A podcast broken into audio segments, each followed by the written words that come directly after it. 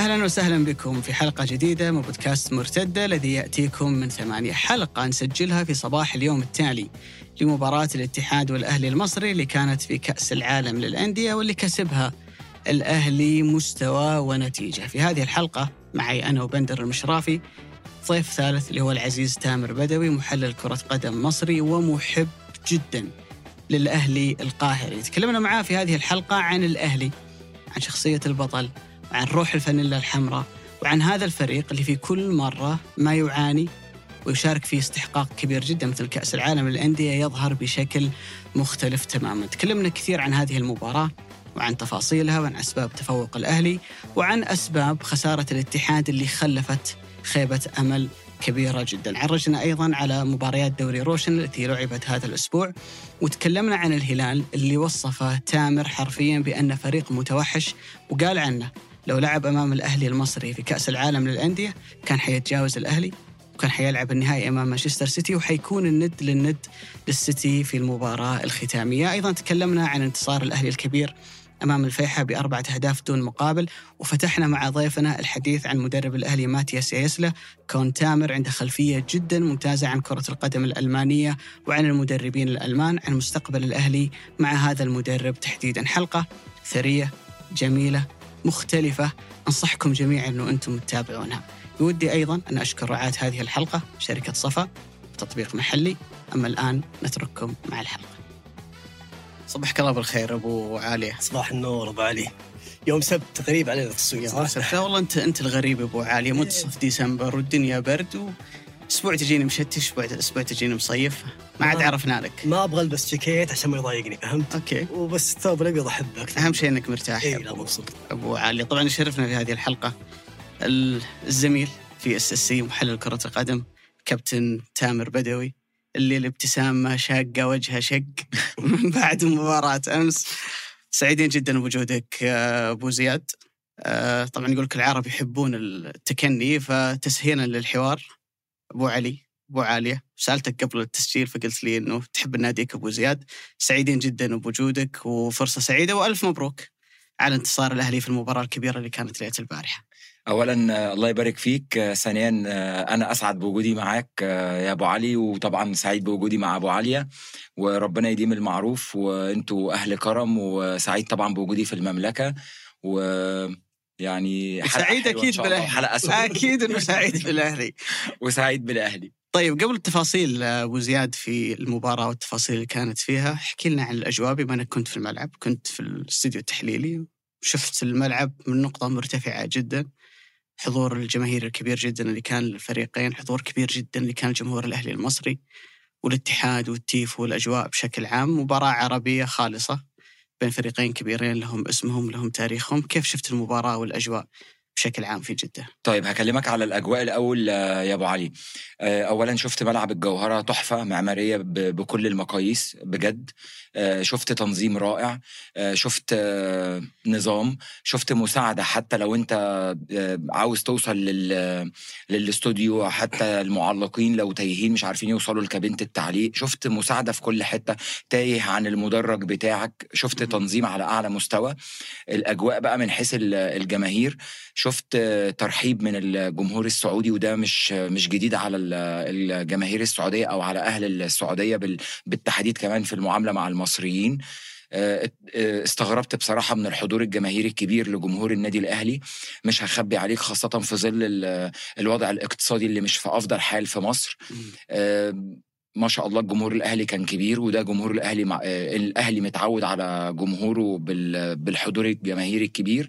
لكن زي ما قلت لك الوضع الاقتصادي وكمان نتائج الأهلي الغير جيدة في الفترة الأخيرة ممكن تأثر على الحضور الجماهيري إلا إن الجماهير كانت مصممة تكون في ظهر الفريق وظهرت امبارح.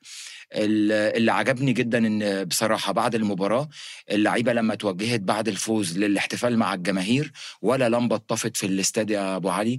أبو علي ال sound system ولا حتى وطوا المزيكا المزيكا كلها أغاني مصرية كلها أغاني مصرية فريحي كده زي ما. بيقولوا عندنا. في مصر. كلها أغاني انبساط وسيبوا المصريين ينبسطوا حقهم ناس كسبت ضيوف عندنا.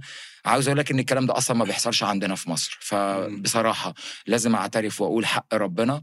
تعظيم سلام للمملكة العربية السعودية وبشكرهم على حسن ال- الاستضافة والتنظيم ودي حاجة مش مش جديدة على المملكة العربية السعودية وشعبها المعروف عنه الكرم هذا طبيعي يا أبو زياد. يعني أعتقد إنه في نهاية الامر هي كرة قدم. 90 دقيقة اللي يفوز ألف مبروك الخاسر حظ أوفر. أم، مباراة خلينا نقول بين فريقين شقيقين.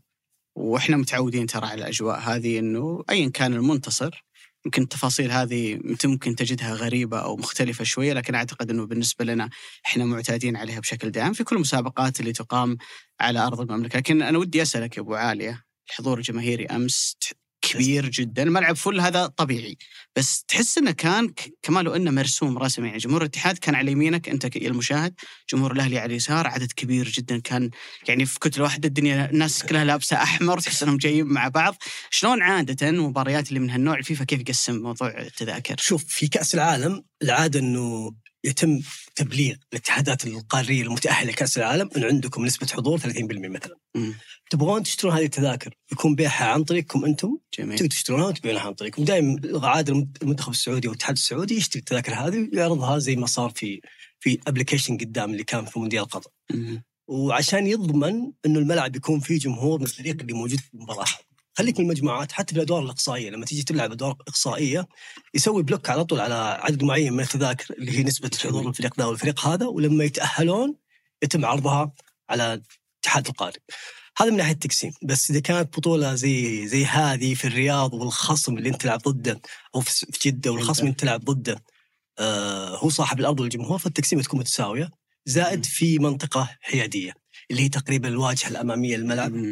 منطقه ال VIP اللي ورا لكن اليمين يكون للضيف أو المضيف واليسار يكون للضيف وتقسيمة عادلة لكل الجماهير فهذا هذا في الغالب في غالب الظن. هي تعطي جمالية إنه أنت تشوف كما لو إنه هنا مدرج وهنا مدرج والهتافات بينهم كانت بادية أصلا قبل المباراة دي آه بعدة أيام مناوشات لطيفة يعني في في نهاية الأمر. آه ما قبل المباراة أنا أعتقد إنه في كثير من جماهير الأهلي كانوا متخوفين بسبب وضعية الفريق اللي اليوم على مستوى الدوري المصري والبطولات الأفريقية اللي هو كان موجود فيها، لكن أنا شخصيا كان عندي شعور إنه هذا الفريق فيه جين معين في كرة القدم. ما تدري صراحة كيف توصل له بس أنا متأكد إنه موجود عند ريال مدريد وموجود عند الأهلي المصري وموجود عند الهلال لما يروح يلعب في دوري أبطال آسيا أو هالنوعية من المسابقات لأنه هو معتاد أن نحط في هذا الموقف أكثر من مرة فبالتالي متعود انه يلعب مباريات وماخذ فيها وضعية الاندردوج الفريق الأقل ترشيحا الفريق اللي جاي على عكاز وعنده مشاكل كثيرة جدا بس يعرف إحنا نقولها هنا بالبلدي يخارج نفسه في المباريات اللي اللي من هالنوع. وأنا أعتقد أن ال- الجين هذا ما يأتي أنت ما تقدر تروح تشتريه. ولا ولا يأتي مع الفريق ويعيش معاه على طول. الزمن. يعني مثلا ريال مدريد ما قبل رأسية راموس كان فريق على المستوى النفسي والمعنوي في دوري أبطال أوروبا ممكن يخرج من أي فريق. بدليل أن ليون يعني تسلط عليه في فترة من الفترات. لما بدأ يكسب والفوز يجيب فوز والثقة تنمو وتتزايد يشعر اللاعب لما ينزل للملعب وشوف هذا التاريخ وهذه الألقاب والبطولات اللي الفريق أحرزها أنه أنا قادر. حتى لو كانت عندي كل هذه المشاكل أنا في نهاية الأمر طالما الموضوع 90 دقيقة أنا إي بتزيد. أنا أقدر. فأتذكر أنا قالها رودريجو لما سجل هدف الشهير على مانشستر سيتي قال أنت لما تكون في ريال مدريد يصير عندك إيمان إنه أنت تقدر. ثقته بأي بأي. طريقة ما أنت تقدر. نفس الكلام أعتقد إنه ينطبق على الهلال اللي في السنوات الماضية على مستوى دوري أبطال آسيا على مستوى كأس العالم للأندية اللي ذهب لها العام الماضي بكثير من المشاكل. الهلال قدر إنه يعمل إنجاز كبير جدا في كأس العالم. هذا الكلام قطعا ينطبق على الأهلي لأنه علي معلول أمس بعد المباراة كذا وأنا قاعد أسمع التصريح قال كلمة كذا عرفت اللي استوقفتني لما قال حنا السنة هذه نبغى نروح أبعد من السيمي فاينل يا أخي تراها قوية الكلمة. صحيح. لما يقول لك السنة هذه معناته أنا السنة اللي راحت لعبت واللي قبلها لعبت وأنا كل سنة متعود إني أكون في هذا المكان. فبالتالي الأهلي هو أكثر فريق لعب عدد مباريات في كأس العالم للأندية فبالتالي قطعا لعب مباريات هو كويس. لعب مباريات هو وحش لعب مباريات وعنده نقص. أتذكر مباراة لعبها يمكن تذكرني يا أبو زياد. كانت أمام فريق مكسيكي في نسخة نعم. أبو ظبي أعتقد. آه، اللي كان فيه سبعة أو ثمانية لاعبين من الأهلي. باتشوكا كانت مع باتشوكا لأنه كان منتخب مصر يلعب نهائي كأس امم أفريقيا. بالضبط. في الكاميرون. بالضبط. فراح لعب المباراة الأولى وعنده نقص. عدد كبير جدا من اللاعبين. فذكر وقت إني أنا حللت المباراة اضطريت والله إني أدق على صديق مصري قلت يرحم والديك علمني من اللي بيلعب بكرة. يعني الأسماء اللي أنا حافظهم بتفرج عليهم مباريات للاهلي أبو علي كان كلهم موجودين مع كان المنتخب في لعيب لعب center back ناحية الشمال زي مثلا حسن كادش اللي. لعب امبارح آه، كان اسمه مغربي. عنده 19 سنة. لعب ذيك المباراة. لعب الماتش ده. موسيماني وقتها المدرب الجنوب أفريقي اضطر إنه يلعبه. لأن كان محمد عبد المنعم اللي هو ال center back الأساسي كان مع منتخب مصر. صحيح. كان كل لعيبة ال- الأهلي مع منتخب مصر. حتى م- يعني حتى مثلا علي معلول كان في م- منتخب آه، تونس. مم. حضر ال- المباراة الأولى مع منتخب تونس. منتخب تونس خرج رجع على ال على ال على البطولة. فاتوا برضو عدد من من المباريات. في آه، طاهر محمد طاهر اضطر إنه يلعبه مهاجم وهو أصلا ما كانش مهاجم فاهم؟ اللي هو بي بيسد بيسد الثغرات اللي عنده بأي لعيبة حتى لو ما كانش ده مركزها الحقيقي. ومع ذلك الأهلي ليه؟ الأهلي عنده عنده مجموعة آه، زي تقدر تقول شعارات الأهلي أو جمهور الأهلي دايما بي- بيعتنقها. آه، الأهلي بمن حضر. الأهلي بمن حضر يعني حط أي 11 لعيب لبسهم الفانيلا الحمراء. هيأدوا هيقاتلوا على الكورة. آه، روح الفانيلا الحمراء. ده واحد من الشعارات اللي دايما صحيح. الأهلي بيتبعها. لازم تموت نفسك بلغة الكورة. موت نفسك لازم تجيب البطولة. آه، الأهلي دايما عنده شعار من الشعارات اللي جمهوره مؤمن بيها. أنا حلو وحش بالمصري كده أنا ماليش فيه. أنا داخل أكسب البطولة دي. عشان كده علي معلول تعليقا على التصريح اللي أنت بتقول لك إيه أنا جاي عاوز أروح اللي بعيد بقى المرة دي. أنا جاي هي المرة دي هذه هي هي هي السر. مظبوط. أنه ط... أنت معتاد إنك كل سنة تكون في هذا المكان. يعني فبالتالي أنت الموقف مش جديد بالنسبة لك إنك تلعب ضد صاحب الأرض على سبيل المثال فريق عنده نجوم يعني العام الماضي الاهلي تقريبا معظم هذا الجيل لعب ضد ريال مدريد في آه، أعتقد نصف نهائي البطولة الماضية اللي كانت في المغرب. فبالتالي أنا حخاف من بنزيما ليه؟ دي حقيقة. اخاف من فابينيو كانتي. أنا كل سنة تقريبا أواجه الأندية الكبرى على مستوى أوروبا فبالتالي لما أواجههم مع فريق آخر ما حيكون عندي يعني شعور رهبة كبير جدا. دي حقيقة. آه، نقطة كمان آه، يا أبو علي. آه، أبو علي أشار ليها. إن طبعا المغرب دولة آه، يعني أشقاء طبعا. بس بعد المسافة من من القاهرة للمغرب خمس ساعات. لكن من القاهرة لجدة ساعتين بتكون في مم. نظرا دي نقطة. النقطة الثانية الأجواء الطقس نفسه جدة مشابهة للجو المصري. ثلاثة ودي بقى أهم نقطة. ال- الجالية المصرية اللي موجودة في السعودية دي اللي كان أبو عليا بيتكلم عليها واللي أنت اتكلمت عليها. المدرج هنا أصفر امبارح اللي على يمينك والمدرج اللي على شمالك امبارح كله أحمر. اللي جاي من الرياض واللي جاي من الدمام واللي جاي من الطايف واللي جاي من أبها واللي جاي يعني كل المصريين اللي مقيم غير بقى. طبعا المصريين اللي جايين من مصر لأن شركات السياحة عملت أكتر من package و offer اللي روح اعمل عمرة ولأن أنت عارف إن جدة قريبة من مكة صح. ساعة تبقى. آه فاهم؟ فال package إيه آه، خد ال- آه، ال offer بتاعنا هتروح تعمل عمرة وتحضر ماتش الأهلي وترجع تاني يوم. وتتعشى في البيك وكفى بذلك نعيم دي دعاية كده. لا لا. و... ومفيش أحلى من كده. وعمرة يوم الجمعة تروح تعملها والكثير من الدعاء للأهلي. بالظبط. تروح تعملها الصبح بدري تصلي الجمعة في الحرم وترجع على جدة تحضر الماتش تتكل على الله وترجع الله على. القاهره مفيش أحلى من. كده. فالناس اتشجعت. ف... فأنا شايف إن ما عند... مفيش حجة. يعني أحلى من كده مفيش فعلشان كده ده اللي طمع ال... الأهلي إن يلا المرة دي بقى عاوزين نروح فيها لبعيد. كمان إن هي في المتناول عدة عوامل تحطها قدامك. آه، اتحاد جدة. إيه يا جماعة اتحاد جدة يعني. يعني اتحاد جدة إحنا كل ما نلعب اتحاد جدة اتحاد جدة يكسبنا. آه لأ عاوزين بقى نكسر العقدة دي. آه زي ما بيقولوا كده الإنجليز it's about time بقى إن إحنا نكسر عقدة اتحاد جدة.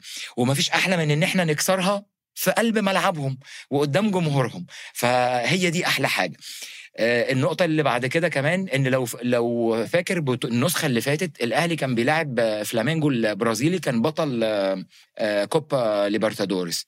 الأهلي كان خلاص يعني هيوصل لولا إن حصل حالة آه، طرد وال game اتقلب وخسر آه، المباراة. فأنت المرة دي إن شاء الله يوم الاثنين هتقابل آه، فلومينينزي. ففي المتناول يعني الأمور كلها مش بعيدة طبعا يظل فلومينينزي عنده الفرص الأكبر. لكن ما هواش الفروقات المرعبة اللي هو هتنزل تقول لأ hopeless case أو ما في zero فرص. فعلشان كده كل جماهير النادي الأهلي عندها أمل إن الأهلي يلعب final قدام مان سيتي إن شاء الله في في نهائي كأس العالم للأندية تشعر. إن الأهلي اسمح لي بالي. صدق تشعر إن الأهلي غير انه فريق متزن منضبط فريق بشخصية ثقة. يعني أول مشاركة الاهلي المصري في كأس العالم كانت 2005 كان يلعب الاتحاد وخسر. مظبوط. بعدها سبع مشاركات وصل المشاركة التاسعة وهذه هي المشاركة الثانية للاتحاد. ففارق الخبرة الكبير والتجربة في هذه البطولة في نفس التوقيت تقام فيه على مستوى توزيع. أهدافك على مستوى توزيع الجهد على مستوى صعوبة المنافسة على مستوى إنك تجي للبطولة أو المباراة هذه وأنت بظروف مختلفة تحس إنك تكسب هذه الخبرة. والمباراة نفسها لو تلاحظ تحس الفريق كان شوي هادي. واثق في نفسه قدر ياخذ الجيم على مراحل. ما ما مر بأي خلينا نقول لك مرحلة شك في قدراته حتى لقطة ضربة الجزاء تحديدا ما أثرت على على الفريق. ولكن بشكل عام كذا أنظر للأهلي أو أنظر لمصر خلينا شوي نروح شوي عميق شوي. أنظر لمصر على أن الأهلي المصري هو البعبع وهو النادي اللي حقق كل شيء. وأنظر لقارة أفريقيا على أنها لا يوجد فيها إلا الأهلي المصري اللي غالبا مسيطر على هذه البطولة. هذا النوع من النجاح اللي أنت تفوز بالدوري. تفوز على مستوى محلي تفوز على مستوى القاري أنت تفوز بسهولة تفوز وانت سيء تفوز وانت كويس. ما يشعرك بنوع من الملل خلاص أنا ما أنا طيب فزت فزت إيش الحافز الجديد؟ okay جاء جيل ورا جيل نفس الجيل ياخذ خمس ست سنوات يقعد عنده ثلاثة دو... آه، أفريقيا خمس ست دوري. يعني أحس لو في نوع منافس شوي يطورك أكثر يعطي شغف المتابعه حتى الجمهور الأهلي رغم إنه ما ي... رغم إنه دائما يفوز ببطولات إلا إنه ما يمل يبغى كل شيء. مظبوط دي حقيقة. لو رحت أي ماتش للأهلي في في استاد القاهرة في الدوري أو في دوري أبطال أفريقيا هتلاقي إن جمهور الأهلي بيحط علم مشهور كبير كده دايما ورا الجول. العلم ده مكتوب في من بعض الأعلام اللي بتتحط ورا الجول ورا الجول المشهورة. مكتوب عليه إيه؟ لو بطلنا نكسب نموت. يا ساتر يا ساتر. الأهلي دولة. ح- بقى حلو. آه، ترجم. آه، ده ده جمهور النادي الأهلي. لو رجعت وبصيت للمعطيات قبل الجيم بتاع امبارح مستحيل الأهلي يبقى عنده فرص. لكن الأهلي زي ما أنت. قلت شفت قلت إيه؟ الأهلي وحش بس جاي. لأن دي سمة من سمات الفريق البطل. حلو وحش يعرف من أين تؤكل الكتف. دي سمة من سمات الفريق البطل. ممكن على فكرة ممكن في مصر. في الدوري المصري. ممكن في موسم من المواسم تلاقي الزمالك بيلعب كرة أحلى من الأهلي. صحيح. ممكن بيراميدز يكون بيلعب كرة أمتع من الأهلي. إسماعيلي ممكن لسه هقول لك ممكن الإسماعيلي يقدم لك أحلى كوره كده وتجيب كوباية شاي وتقول الله إيه الجمال ده؟ إيه الكوره الجماعية دي؟ إيه المهارات دي؟ خلاص. يعني يا إسماعيلية يا سيرك الكورة زي ما بيقولوا عندنا في مصر. مصر. بس تلاقي إن يعني إحنا عندنا مثلا دايما نقول لك إن الإسماعيلي بنشبهه بأرسنال. في إنجلترا أرسنال السنة اللي فاتت لعب كرة ممتعة جه على الأسابيع الأخيرة في ال Premier League صح قام فرط في الدوري وفي اللقب لمين؟ لمان سيتي، ليه؟ لأنه لا يمتلك شخصية الفريق اللي يعرف ينافس، اللي عنده النفس الطويل بتاع الفريق البطل. إيش هي الشخصية هذه؟ الأهلي عنده ال know-how بتاعت دي، عنده الملكة بتاعت ال إيش هذه؟ هذا أبغى يعني هل لها تفسير؟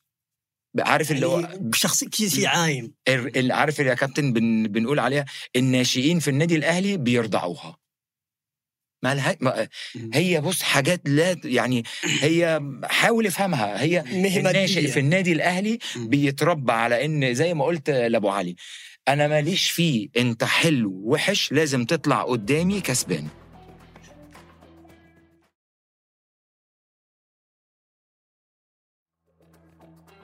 وعلي قبل شوي قال كلمة إنه ريال مدريد الهلال الأهلي المصري. عندهم هذا هذا النوع من الجينات بس أنا كيف لو أبغى أكون نادي مثل هذولي كيف. أغرس هذا الشيء في فريقي مثلا كيف اخليه عنده هذا النوع من الثقة من الرغبة من الجوع okay ممكن ممكن هذا الشيء تعكس في الأكاديمية على مستوى كلام مع اللاعبين الشبان على مستوى اللاعبين تجيبهم على مستوى إن عندك انضباط عندك حالة آه، system واضحة بس يعني مو هو شيء مادي أقدر أعرف إنه هذا هو الثقه هذا هو الشخصية الناس تقولها.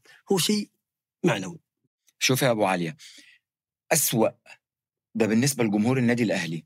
أسوأ حقبة زمنية في تاريخ النادي الأهلي اللي جمهور النادي الأهلي بيقول عليها الحقبة السوداء هي مطلع الألفية من سنة 2000 إلى 2004 ليه؟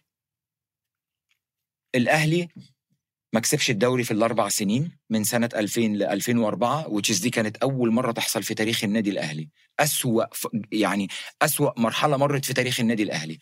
لأن كمان الأهلي مر بمراحل زي ما بنقول كده آه، بالمصري اتلطش تلطيش جامد قوي خسر أربعة من الإسماعيلي خسر من الزمالك ثلاثة كان يطلع في أفريقيا يخسر من فرقة اسمها بيترو أتلتيكو أربعة.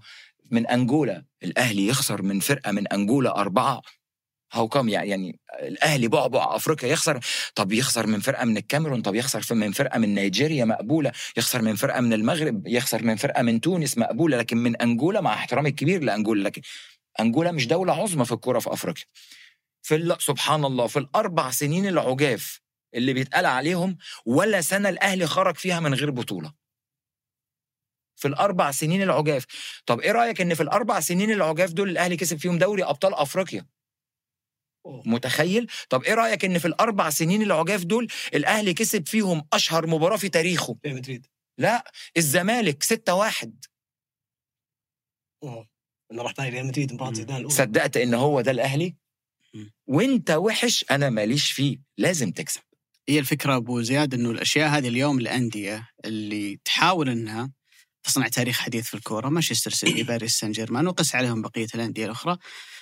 ما في سوق أنت تروح تشتري فيه شخصية البطل هذه. هي شيء يكتسب على مدى السنوات وأعتقد ان في كل التجارب اللي إحنا شفناها جزء كبير وأصيل منها هو مرتبط بالتاريخ، إنه الفريق عنده تاريخ، عنده كم كبير من البطولات، عنده تاريخ مبني على مدى سنوات طويلة أكثر من كونه فريق عنده نجاح في السنوات الأخيرة، فبالتالي القاعدة الجماهيرية الكبيرة جدا، ثقه اللاعبين بأنفسهم من خلال كسبهم لبطولة تجيب بطولة ورا الثانية يصلون إلى هذه الحالة، يمكن تكلمت عن ريال مدريد إنه هو نفس ريال مدريد بتاريخه وبإرثه في فترة من الفترات شخصية البطل هذه ما كانت موجودة عنده، وإنما في لحظة معينة لما أنت تكسب تصبح البطولة اللي بعدها أسهل عليك، المباراة طبعاً. اللي بعدها أسهل عليك، فبالنسبة للأهلي الجيل هذا من اللاعبين أعتقد إنه تمرس كثيرا على المباريات اللي من النوع هذا ولعل يمكن الظروف اللي اللي في مصر والحضور الجماهيري والمشاكل كلها تجعل هؤلاء اللاعبين عندهم طاقة أكبر لما يروحون يلعبون أمام مدرج زي اللي كان موجود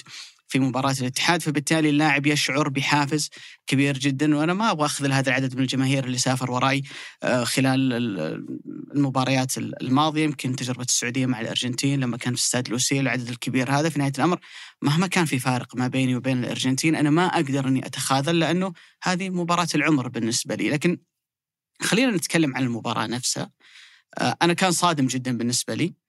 والشكل اللي بدأ فيه جاياردو ال- المباراة واللي أدى بعد ذلك إلى أن الأهلي فرض شخصيته. يعني الهدف الأول اللي جاء من ركلة جزاء. وبعد كذا البلنتي اللي ضيعه كريم بنزيما. يشعرك ان المباراة الشوط الأول كانت 50 50 ما بين الفريقين لكن فعليا على أرض الملعب الأهلي كان أفضل بوضوح من الاتحاد. وأنا في ظني إن المشكلة إن الاتحاد هذا الموسم مع نونو سانتو مع جاياردو وإن شاء الله اللي بنشوفه في مستقبل الأيام يمكن مباراة النصر في 26 ديسمبر ومباريات الدور الثاني ما لم يغير الاتحاد في عناصره عنده مشكلة واضحة لما يواجه أي فريق مقارب له في المستوى أو أعلى منه لأن الاتحاد بدون كرة عنده مشاكل كثيرة جدا. خلينا نحاول نتخيل إنه أنا اليوم عندي فريق بحاول إني أحجم من خطورته أحاول إني أمنع من إنه يلعب الكرة اللي هو يحبها أو مرتاح لها. في ظني في ثلاث أساليب إذا أنا نسيت شيء ممكن تذكروني. أما إنك تستحوذ على الكورة لفترة عالية مثلا زي ما يسوي برشلونة أو مانشستر سيتي فبالتالي أنا أحرمك من الكورة لوقت طويل. فبالتالي حيازتك على الكورة بتكون أقل خطورتك على مرمى بتكون أقل. لكن المشكلة إن هذا الأسلوب صعب جدا تنجح فيه ومحاورك كانتي وفابينيو. في نهاية الأمر أنت تحتاج إلى روبن نيفيز تحتاج إلى بروزوفيتش. تحتاج إلى. باني. نتكلم عن الدوري المحلي. آه، okay. بانيجا سلمان الفرج ممكن ألفارو مدران نوعية اللاعب اللي عنده قدرة على إنه يتحكم برتم وسط الملعب. هذا اللاعب بروزوفيتش. بروزوفيتش أوتافيو غير موجود في الاتحاد. الفكرة الثانية إني أنا ممكن لما أنت تلعب تحاول تبدأ الهجمة أضغط عليك ضغط عالي. أكون فريق شرس جدا عليك في مسألة الضغط فأحرمك من عملية التدرج بالكرة، الأسلوب اللي كان يلعب فيه يورجن كلوب مثلا مع دورتموند أو حتى يطبقه مع ليفربول. من اللحظة اللي أتى فيها أحمد حجازي للاتحاد أنا ما أتذكر مباراة كبيرة لعب فيها الاتحاد ضغط عالي ونجح. أحمد حجازي موجود في الاتحاد وهو مدافع طوله فوق ال 190 ثقيل حركته بطيئة. أنت بتطلع كل عيوبه ومشاكله لما تطلعه 40 متر عن مرمى الفريق. فبالتالي طوال فترة الاتحاد من لما أتى أحمد حجازي والعلة ليست في حجازي خط الدفاع بالكامل مش متعود أنه يلعب ضغط لأنك أنت لما تروح تلعب تضغط ضغط عالي لازم تقدم خط الدفاع. طبعا. ولا بتكون في فجوة كبيرة جدا أي فريق حيضربك. من خلالها. وهو الأسلوب اللي لعب فيه الاتحاد أمام أوكلاند. بس ليش نجح فيه أمام أوكلاند؟ لأن أوكلاند ما هو قادر يؤذيك صحيح. في الجانب اله- الهجومي. فبالتالي كان مفهوم بالنسبة لي أن جاياردو لما بدأت المباراة أعطي الكره للأهلي وحنا حنلعب ورا الكره إحنا نتراجع إلى إلى نصف ملعبنا. وبعد كذا ممكن إنه نتدرج ونصل إلى مرمى ال- الأهلي. فقلنا انه الأسلوب الأول صعب إنه أنت تنجح فيه. الضغط العالي بوجود حجازي وحسن كادش الاثنين أصلا ما في تناغم ما بينهم. هذه ثالث مباراة لحجازي في الموسم والثانية كلاعب أساسي. الرجل لسه قبل أسبوع أو 10 أيام راجع من إصابة رباط صليبي.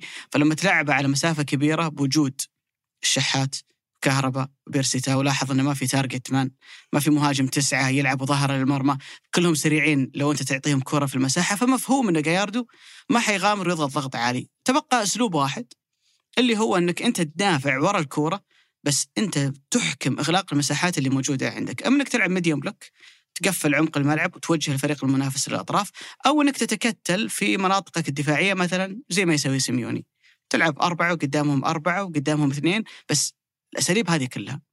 تتطلب فريق ملتزم إنه الفريق المنافس لما يودي الكره يمين نميل يمين لما يودي الكره يسار نميل يسار نعرف دائما نقفل المساحات هذه. هل رومارينيو وكورنادو وبنزيما ينفعون في أسلوب زي هذا؟ هل لما أنت تطلب من الاثنين أطرافك اللي هم مثلا رومارينيو وكورنادو إنهم يرجعون مع الظهير إلى الثلث الدفاعي حيلتزمون لك طوال المباراة؟ لا. أنت جربتهم في مباريات كثيرة ما كانوا يلتزمون. فبالتالي هذا الفريق بالعناصر اللي موجودة عنده أحاول أفكر أقول والله لو جاياردو سوى كذا والله لو هو انتهج النهج هذا مشكلة الفريق إنه مليان عيوب على مستوى السكواد. ما عندك لاعب؟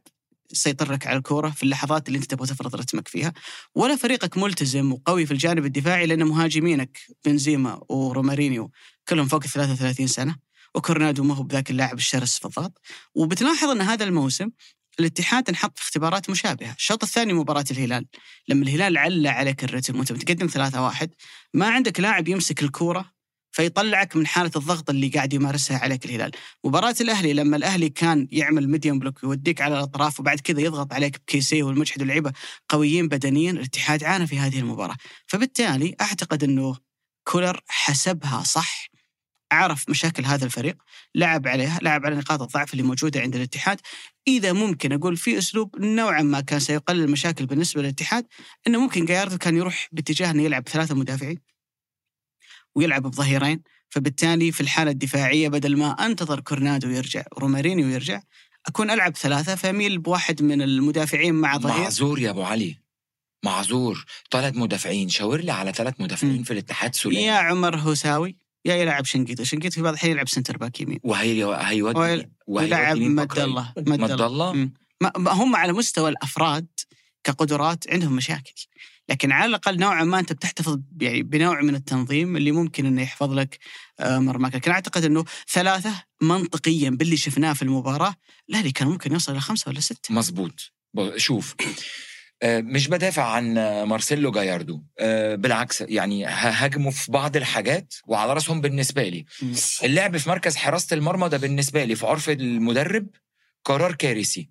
إنك تيجي في مباراة مهمة زي دي تاخد قرار بتغيير مركز حراسة المرمى يبقى أنت بتغير 50% من آه، الفريق. لأني بسم الله الرحمن الرحيم. زي ما بنقول كده العمود الفقري بتاع الفريق بيبدأ من مركز حراسة المرمى. فإيه اللي حصل؟ مرة واحدة في دماغك تاخد قرار إنك تغير جروهي وتلاعب المعيوف. إيه اللي حصل؟ يعني إيه اللي, إيه اللي جرى؟ طب هل هل جروهي اتصاب؟ لا ابدا. إمبارح زي ما بنقول آه، زي العفريت. ما شاء الله نازل. التسخين إمبارح وسليم زي الفل. طب إيه القرار؟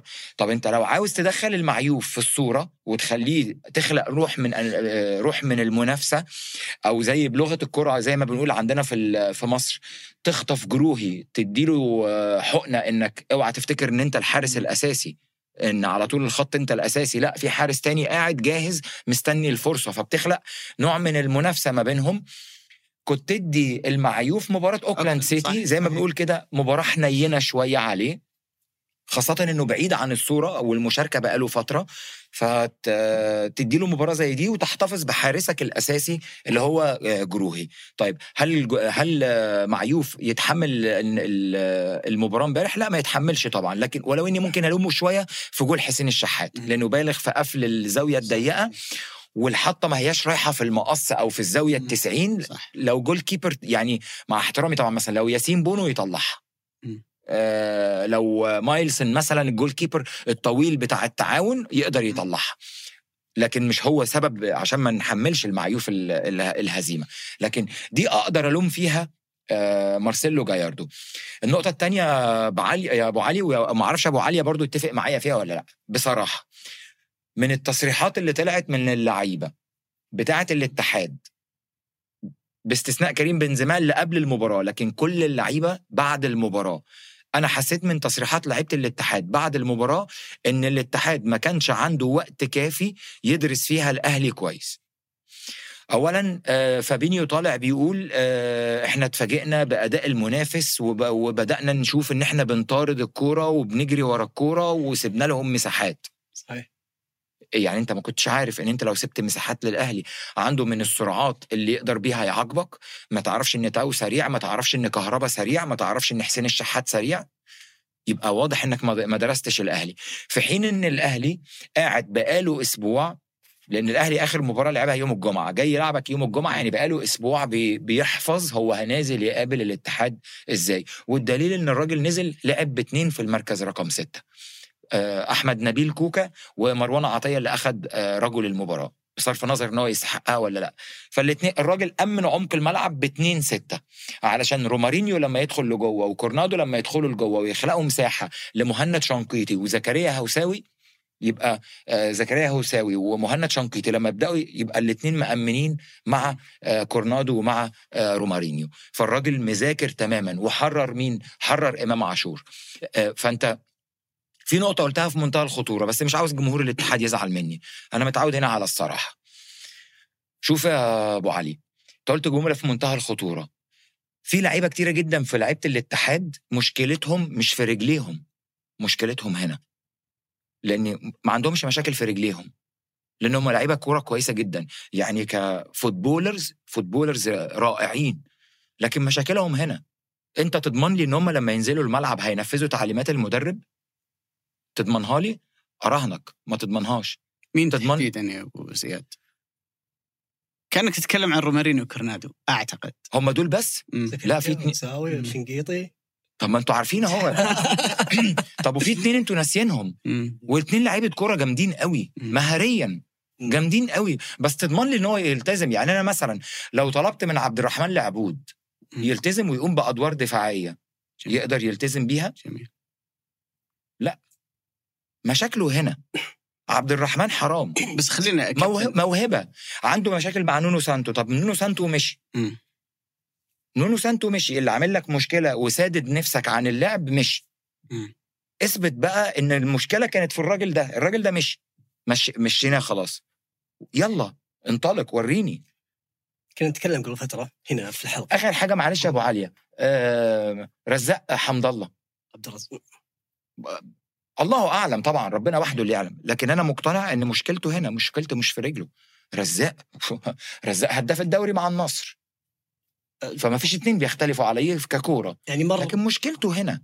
يعني مر بمراحل مختلفة عبد الرزاق حمد الله وفي كل مرحلة تقريبا مر فيها دائما يكون عنده يعني كذا تحس في نوع من المشاكل يحدث مع مع كل نادي يلعب فيه حتى مع منتخب الوطني المغربي مع النصر مع الاتحاد لا إلا في الله. البطوله العربية لما سحب الرقم تسعة منه يعني الأمثلة كتيره رومارينو لما سحبت من الكابتنية كل شيء في الاتحاد ترى ترى كل شيء في الاتحاد متوتر من الصيف. يعني من العبود آه، البيشي من حتى آه، العبود والبيشي ومن الثالث اللي مشوه بعد.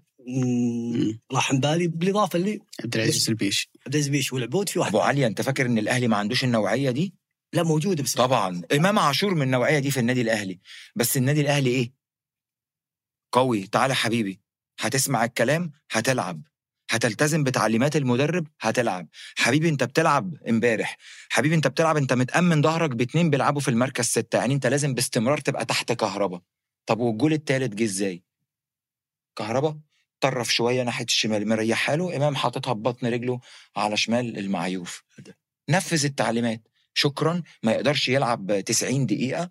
خلص البنزين زي ما بنقول عندنا في مصر البنزين وخلص اتفضل اطلع قمت بدورك شكرا. لكن هو مشكلة إمام هنا. إمام يوم مستواه فوق لما بيلتزم في نهائي الأمم الأفريقية مسك ساديو ماني قضى عليه.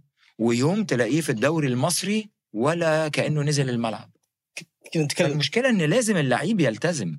كنا نتكلم أنا وابو ابو علي بغيت كلامك زياد عن الدور اللي يخلقه المدرب لما يكون مدرب ب level عالي ويجي عند لاعبين يعني بانضباط أقل. فيكون هنا فجوة بين المدرب واللاعب. واستشهدنا فيها في قضية الكويك مع اتفاق صحيح. العبود مع مع نونو سانتو. بالإضافة لأن كثير من الأندية دائما تخاف إنها تفرض النظام في النادي. تخاف إنها تعاقب نجم الفريق. يعني باستثناء الهلال اللي عاقب سالم الدوسري ولا لعب نهائي آه، كاس الملك اللي عاقب سلمان الفرج. مباراة راحة اللي عاقب بيريرا فترة طويلة ما لعب وهو في أمس الحاجة له اللي عاقب شرحيلي في البطولة الآسيوية قبل كم سنة ولعب بحارس ستير أتوقع لعب بحارس احتياط. يعني اتخذ قرارات جريئة في توقيت صعب بس عشان يفرض نظام وسيستم في الفريق وهذا نوع من الأندية أنت بمرور السنوات بمرور الأيام يبدأ اللاعب خلاص يعرف إنه مهما كان حاجة الفريق لي ترى. لو أخطيت أو أو ما قدمت الشيء اللي مطلوب مني. أنا بركن بر أبو عليا يا جماعة إحنا عاوزين نقول كلام.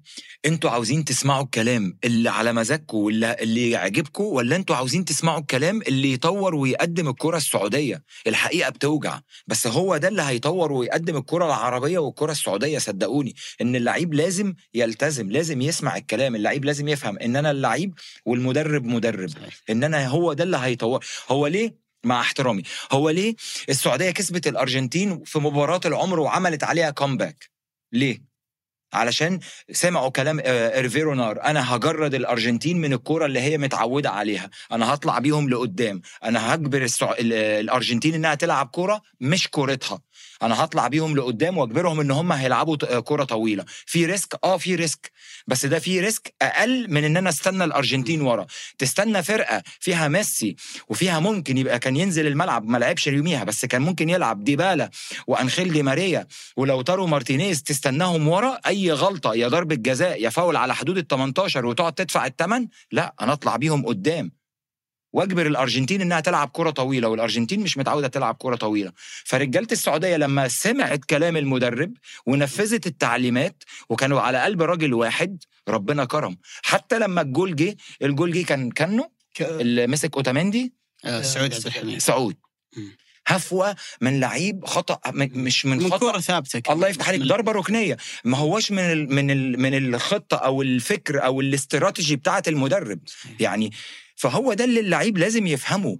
أنا لعيب كورة نازل ال game أنفذ تعليمات المدرب. نفذتها ربنا هي لمك... لكل مجتهد نصيب. ربنا اللي بيقول لكل مجتهد نصيب. مش لكل حريف نصيب مش لكل موهوب نصيب.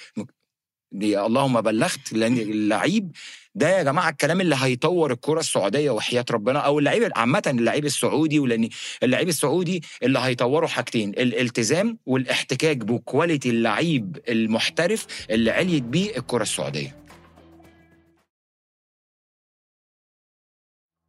في لقطة أمس أبو زياد كانت في المباراة تقريبا في الدقائق الأخيرة جمهور الأهلي قاعد يهتف. هتافات مبسوطين وسعيدين جدا والكاميرا جت على كانتي وهو في لحظة حزن كذا وصدمة من من نتيجة المباراة. جلست أتخيل المشهد كانتي في أسلوب لعب ممتاز يقدر يعطيك أدوار يطلع فيها نجم المباراة، لكن في مباراة الاتحاد والأهلي كانتي ظهر بشكل يعني جيد إلى حد ما لكن بنزيما ورومارينيو وأكثر من عنصر كانوا غاية في السوق.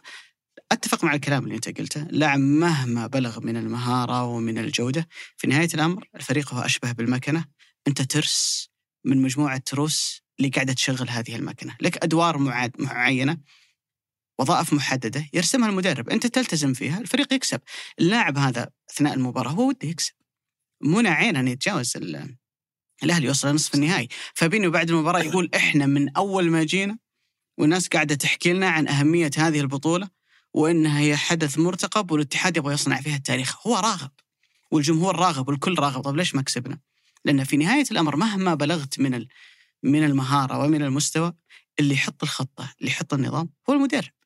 واللاعب ينبغي عليه ان انه يلتزم. أفضل فريق في العالم ضمن نجوم ريال مدريد الجلاكتيكوس لما طبعاً. ما وجد النظام ولا وجد الالتزام كان واحد من أفشل الفرق اللي أنت شفتها. مظبوط اللي أنت شفتها في في حياتك. فأنا أتفق إنه النظام دائما اسلوب اللعب هو أهم من أي عنصر آخر. يدلك عليها تصريح فابينيو بعد المباراة.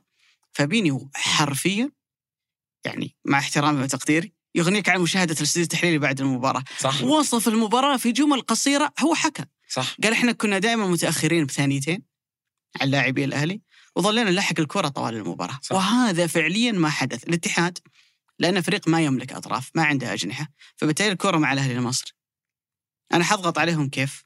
يروح بنزيما رومارينيو وكورنادو الاثنين داخلين نوعا ما في ال half space في المساحات يضغطون مثلا على مدافعي الأهلي. المشكلة وين صايرة؟ إن أطراف الاتحاد دائما فاضية. فبالتالي في كل مرة الأهلي يحاول إنه يبني اللعب من الخلف ودي الكرة يا علي المعلول على اليسار يا محمد هاني على اليمين. طيب راحت الكرة. هذه الثانيتين اللي حكى عنها فابينو إحنا حنروح نضغط طيب هو أخذ الكرة استلم. ورفع رأسه وامدى اللاعب في اللحظة اللي جاء فيها فابينيو أو كانتي في لاعب تحرك في ظهره. طيب أنا مررت. طيب الكرة أوه راحت في العمق. يلا خلينا نروح نحاول نلحق. الثانيتين اللي حكى عنها فابينو نروح نلحق لاعب ثاني تحرر على الطرف. طيب طلعها على الطرف. ففعليا الاتحاد ظل طوال المباراة. اختيار اللعيبة اللي لحق تروح تضغط يا يا أبو علي غلط. اختيار اللعيبة اللي تروح تضغط ده هو مهم واحد جدا. هو المفروض إنه واحد من الثلاثة اللي في العمق مين اللي يضغط راح مع بنزيما بص. ويبقى كورنادو رومارينيو هنا في دوري روشن. مين اللي راح ضغط في مباراة الاتفاق؟ اتحاد. وصنع وص... في مباراة ال- الاتفاق والاتحاد. مين اللي راح ضغط؟ الأول فابينيو. وصنع وصنع الجول آه،. لحمد الله وقام حاططها ب... فابينيو. شو سايبه يطلعه من. المركز ستة رايح يضغط والاتفاق بيحضر صحيح. ورايح. ليه؟ لأن الاختيار كان صح. لازم تختار اللعيب اللي بيجيد ال- الضغط ال- القوي والعنيف ولعيب يكون بيجيد استخلاص الكورة. لكن ما تروحش تختار لعيبة بتدلع لعيبة ما عندهاش إجادة النواحي الدفاعية. رايح تختار كورنادو ورومارينيو لا كمان صعب. بغض النظر عن العنصر انت فضيت الأطراف. يعني كم مره كم مرة الأهلي كان يطلع بالكورة من الشناوي أو عبد المنعم وبعدين يوديها لعلي معلول؟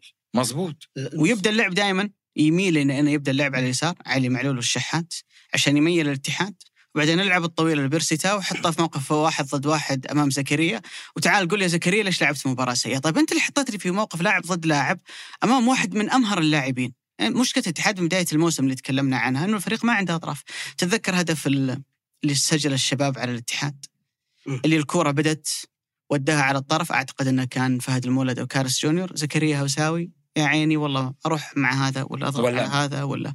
تحس إن الموقف هذا قاعد يتكرر كثير في الاتحاد. أمس الشحات- عمل الكروس الشحات امس طلع كارلوس جونيور حط الشحات الشحات أمس مع مد الله. شوف المساحة مع الكبيرة مع مد الله الهدف الثاني اللي سجل الشحات. مظبوط. المساحة الكبيرة اللي هم موجودين فيها ولا واحد يساند مد الله مد الله هو خايف ان لما أروح أضغط عليك. أنا ممكن يا اعيقك واسبب بلنتي أو أنت تأخذني على برا أو على جوا فبالتالي أنا هولد. أنتظر لاعب. ثاني يسند.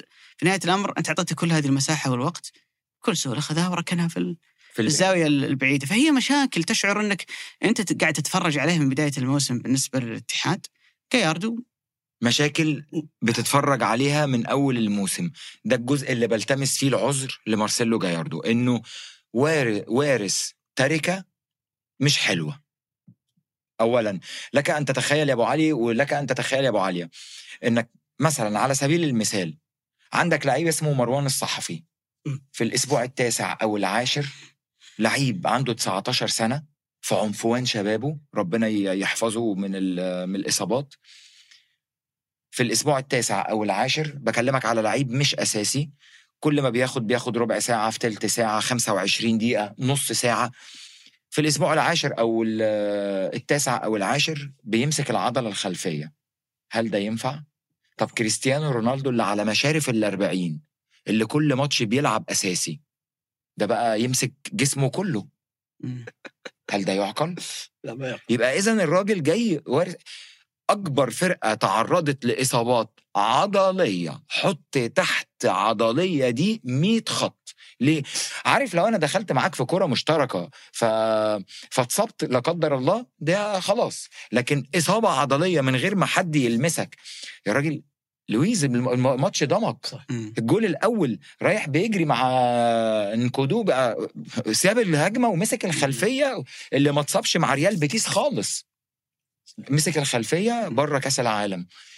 قيس بقى على كده. العمري اتصاب في نص الموسم. آه، مروان الصحفي اتصاب في في نص الموسم. مهند شنقيطي اتصاب شوية. حمد الله. زكريا هوساوي آه، حمد الله راجع من إصابة. الله يفتح كورنادو. عليك. آه، كورنادو اتصاب شوية. آه، كريم بنزيما لما حط البينالتي ومسك آه، الخلفية. آه، حط البينالتي كان في ماتش آه، ضمك. مباراة في الدوري ضمك أيوة. ضمك مسك وكان مهدد بالغياب عن مباراة أوكلاند سيتي لكنه لحق. ولا معقول؟ يبقى إذا في حاجة غلط في الأحمال لأن كل الإصابات عضلية عضلية عضلية والدور الأول لسه ما خلص. علامه استفهام. أعتقد انه مشكلة في في الأعداد البدني للاعب ومشكلة برضه في اللاعب نفسه تعامله مع مع الموسم. و وثق خليني أقول لك الش- اللي هي أبو علي. الالتزام الشخصي أبو علي بكلمك في أعمار سنية مختلفة. أتك... مروان الصحفي كام سنة؟ 22 سنة؟ آه، 21 أصغر. 21 مم. و- وكريم بنزيما نص الثلاثينات يبقى ابن ال... في مشارف في أوائل العشرينات واوائل ونص الثلاثينات بكلمك في لعيب أساسي وبكلمك في لعيب مش أساسي. فإذا كلمتك في أعمار سنية مختلفة وبكلمك في لعيب واحد أساسي واحد مش أساسي. فإذا في حاجة غلط في الأحمال التدريبية بس بكلمك على إصابات كلها عضلية. شوف فهو وارث تركة صعب. فالأمور دي على بال ما تتعالج محتاج وقت. شوف أبو علي يتكلم عن نقطة مهمة وهو تصريح فابينيو في المباراة. ممكن تصريح فابينيو ياخذك شوي لبعد ثاني. أنا أفكر فيه من وجهة نظري الشخصية هو هو اللي أثر على أشياء كثير في الاتحاد. من بداية الموسم وحتى من قبل لا يبدأ الموسم تشعر الاتحاد ما عنده إلا بطولة واحدة بيلعب فيها ألا وهي كأس العالم للأندية. التركيز كله على كان على كأس العالم للأندية. لدرجة إن فابينيو في المؤتمر الصحفي يقول من يوم لحظة ما جيت هنا والكلام كله عن كأس العالم للأندية. هذا شيء خلى الفريق حتى على مستوى الدوري مو بذاك ال... مو بذاك الجوع والرغبة إنه يفوز بالدوري قد ما هو okay حتى لو خسرت ترى عندي كأس العالم للأندية. حتى لو ما فزت ترى عندي كاس العالم للأندية. okay البطولة 15 يوم بس الدوري تراه تسع شهور. ترى في كاس سوبر في كاس ملك في دوري أبطال آسيا في دوري قوي. فتشعر إن الفريق كان هدفك دوري كاس العالم للأندية ولما خرج الكل شعر بصدمة. شوف يا أبو... ليه يا أبو عليا هقول لك ليه. قول. الكبير عشان يبقى كبير لازم يفوز على الكبار. علشان تكسب الدوري لازم تكسب الكبار. طب أنت كسبت الكبار؟ لأ. عملت إيه قدام الهلال؟ خسرت ولا اتعمل عليك comeback في جدة. وخسرت في البطولة العربية صح. طب عملت إيه في الديربي؟ اتعمل عليه آه، خسرت بجول فرانك كيسي من الأهلي. غريمك في المدينة اللي لسه صاعد صحيح. من أول موسم. وهو أصلا مش في أحسن حالاته. مظبوط؟ طيب أدي المباراتين الكبار اللي لعبتهم. مظبوط؟ طيب فإذا حظوظك أو إيمانك بالحفاظ على اللقب كبطل الدوري الموسم الماضي مع توحش الهلال خلينا نعترف يا جماعة نتكلم بصراحة مع توحش الهلال مع قوة النصر مع المستوى الجيد اللي ظهر بيه التعاون في الأسابيع ال- لكن بنستبعد التعاون لأنه ما عندوش شخصية البطل. لكن خلينا في في الهلال والنصر. إيمانك بالحفاظ باللقب بدأ يضعف مع شوية اللخبطة اللي حصلت وتبديل نونو سانتو بمارسيلو جاياردو. إيمانك بحفاظك باللقب بدأ يضعف. طيب هل الوضع الحالي يديلك فرصة إنك تقدر تنافس في دوري أبطال آسيا؟ لا. في في فرق عندها حظوظ أكبر منك في البطولة زي زي الهلال. يا راجل العين الإماراتي بيأدي في البطولة بصورة رائعة ومحتل صدارة المجموعة اتأهل كأول والفايحة الحمد لله قدر يخطف ال- البطاقة التانية في في المجموعة.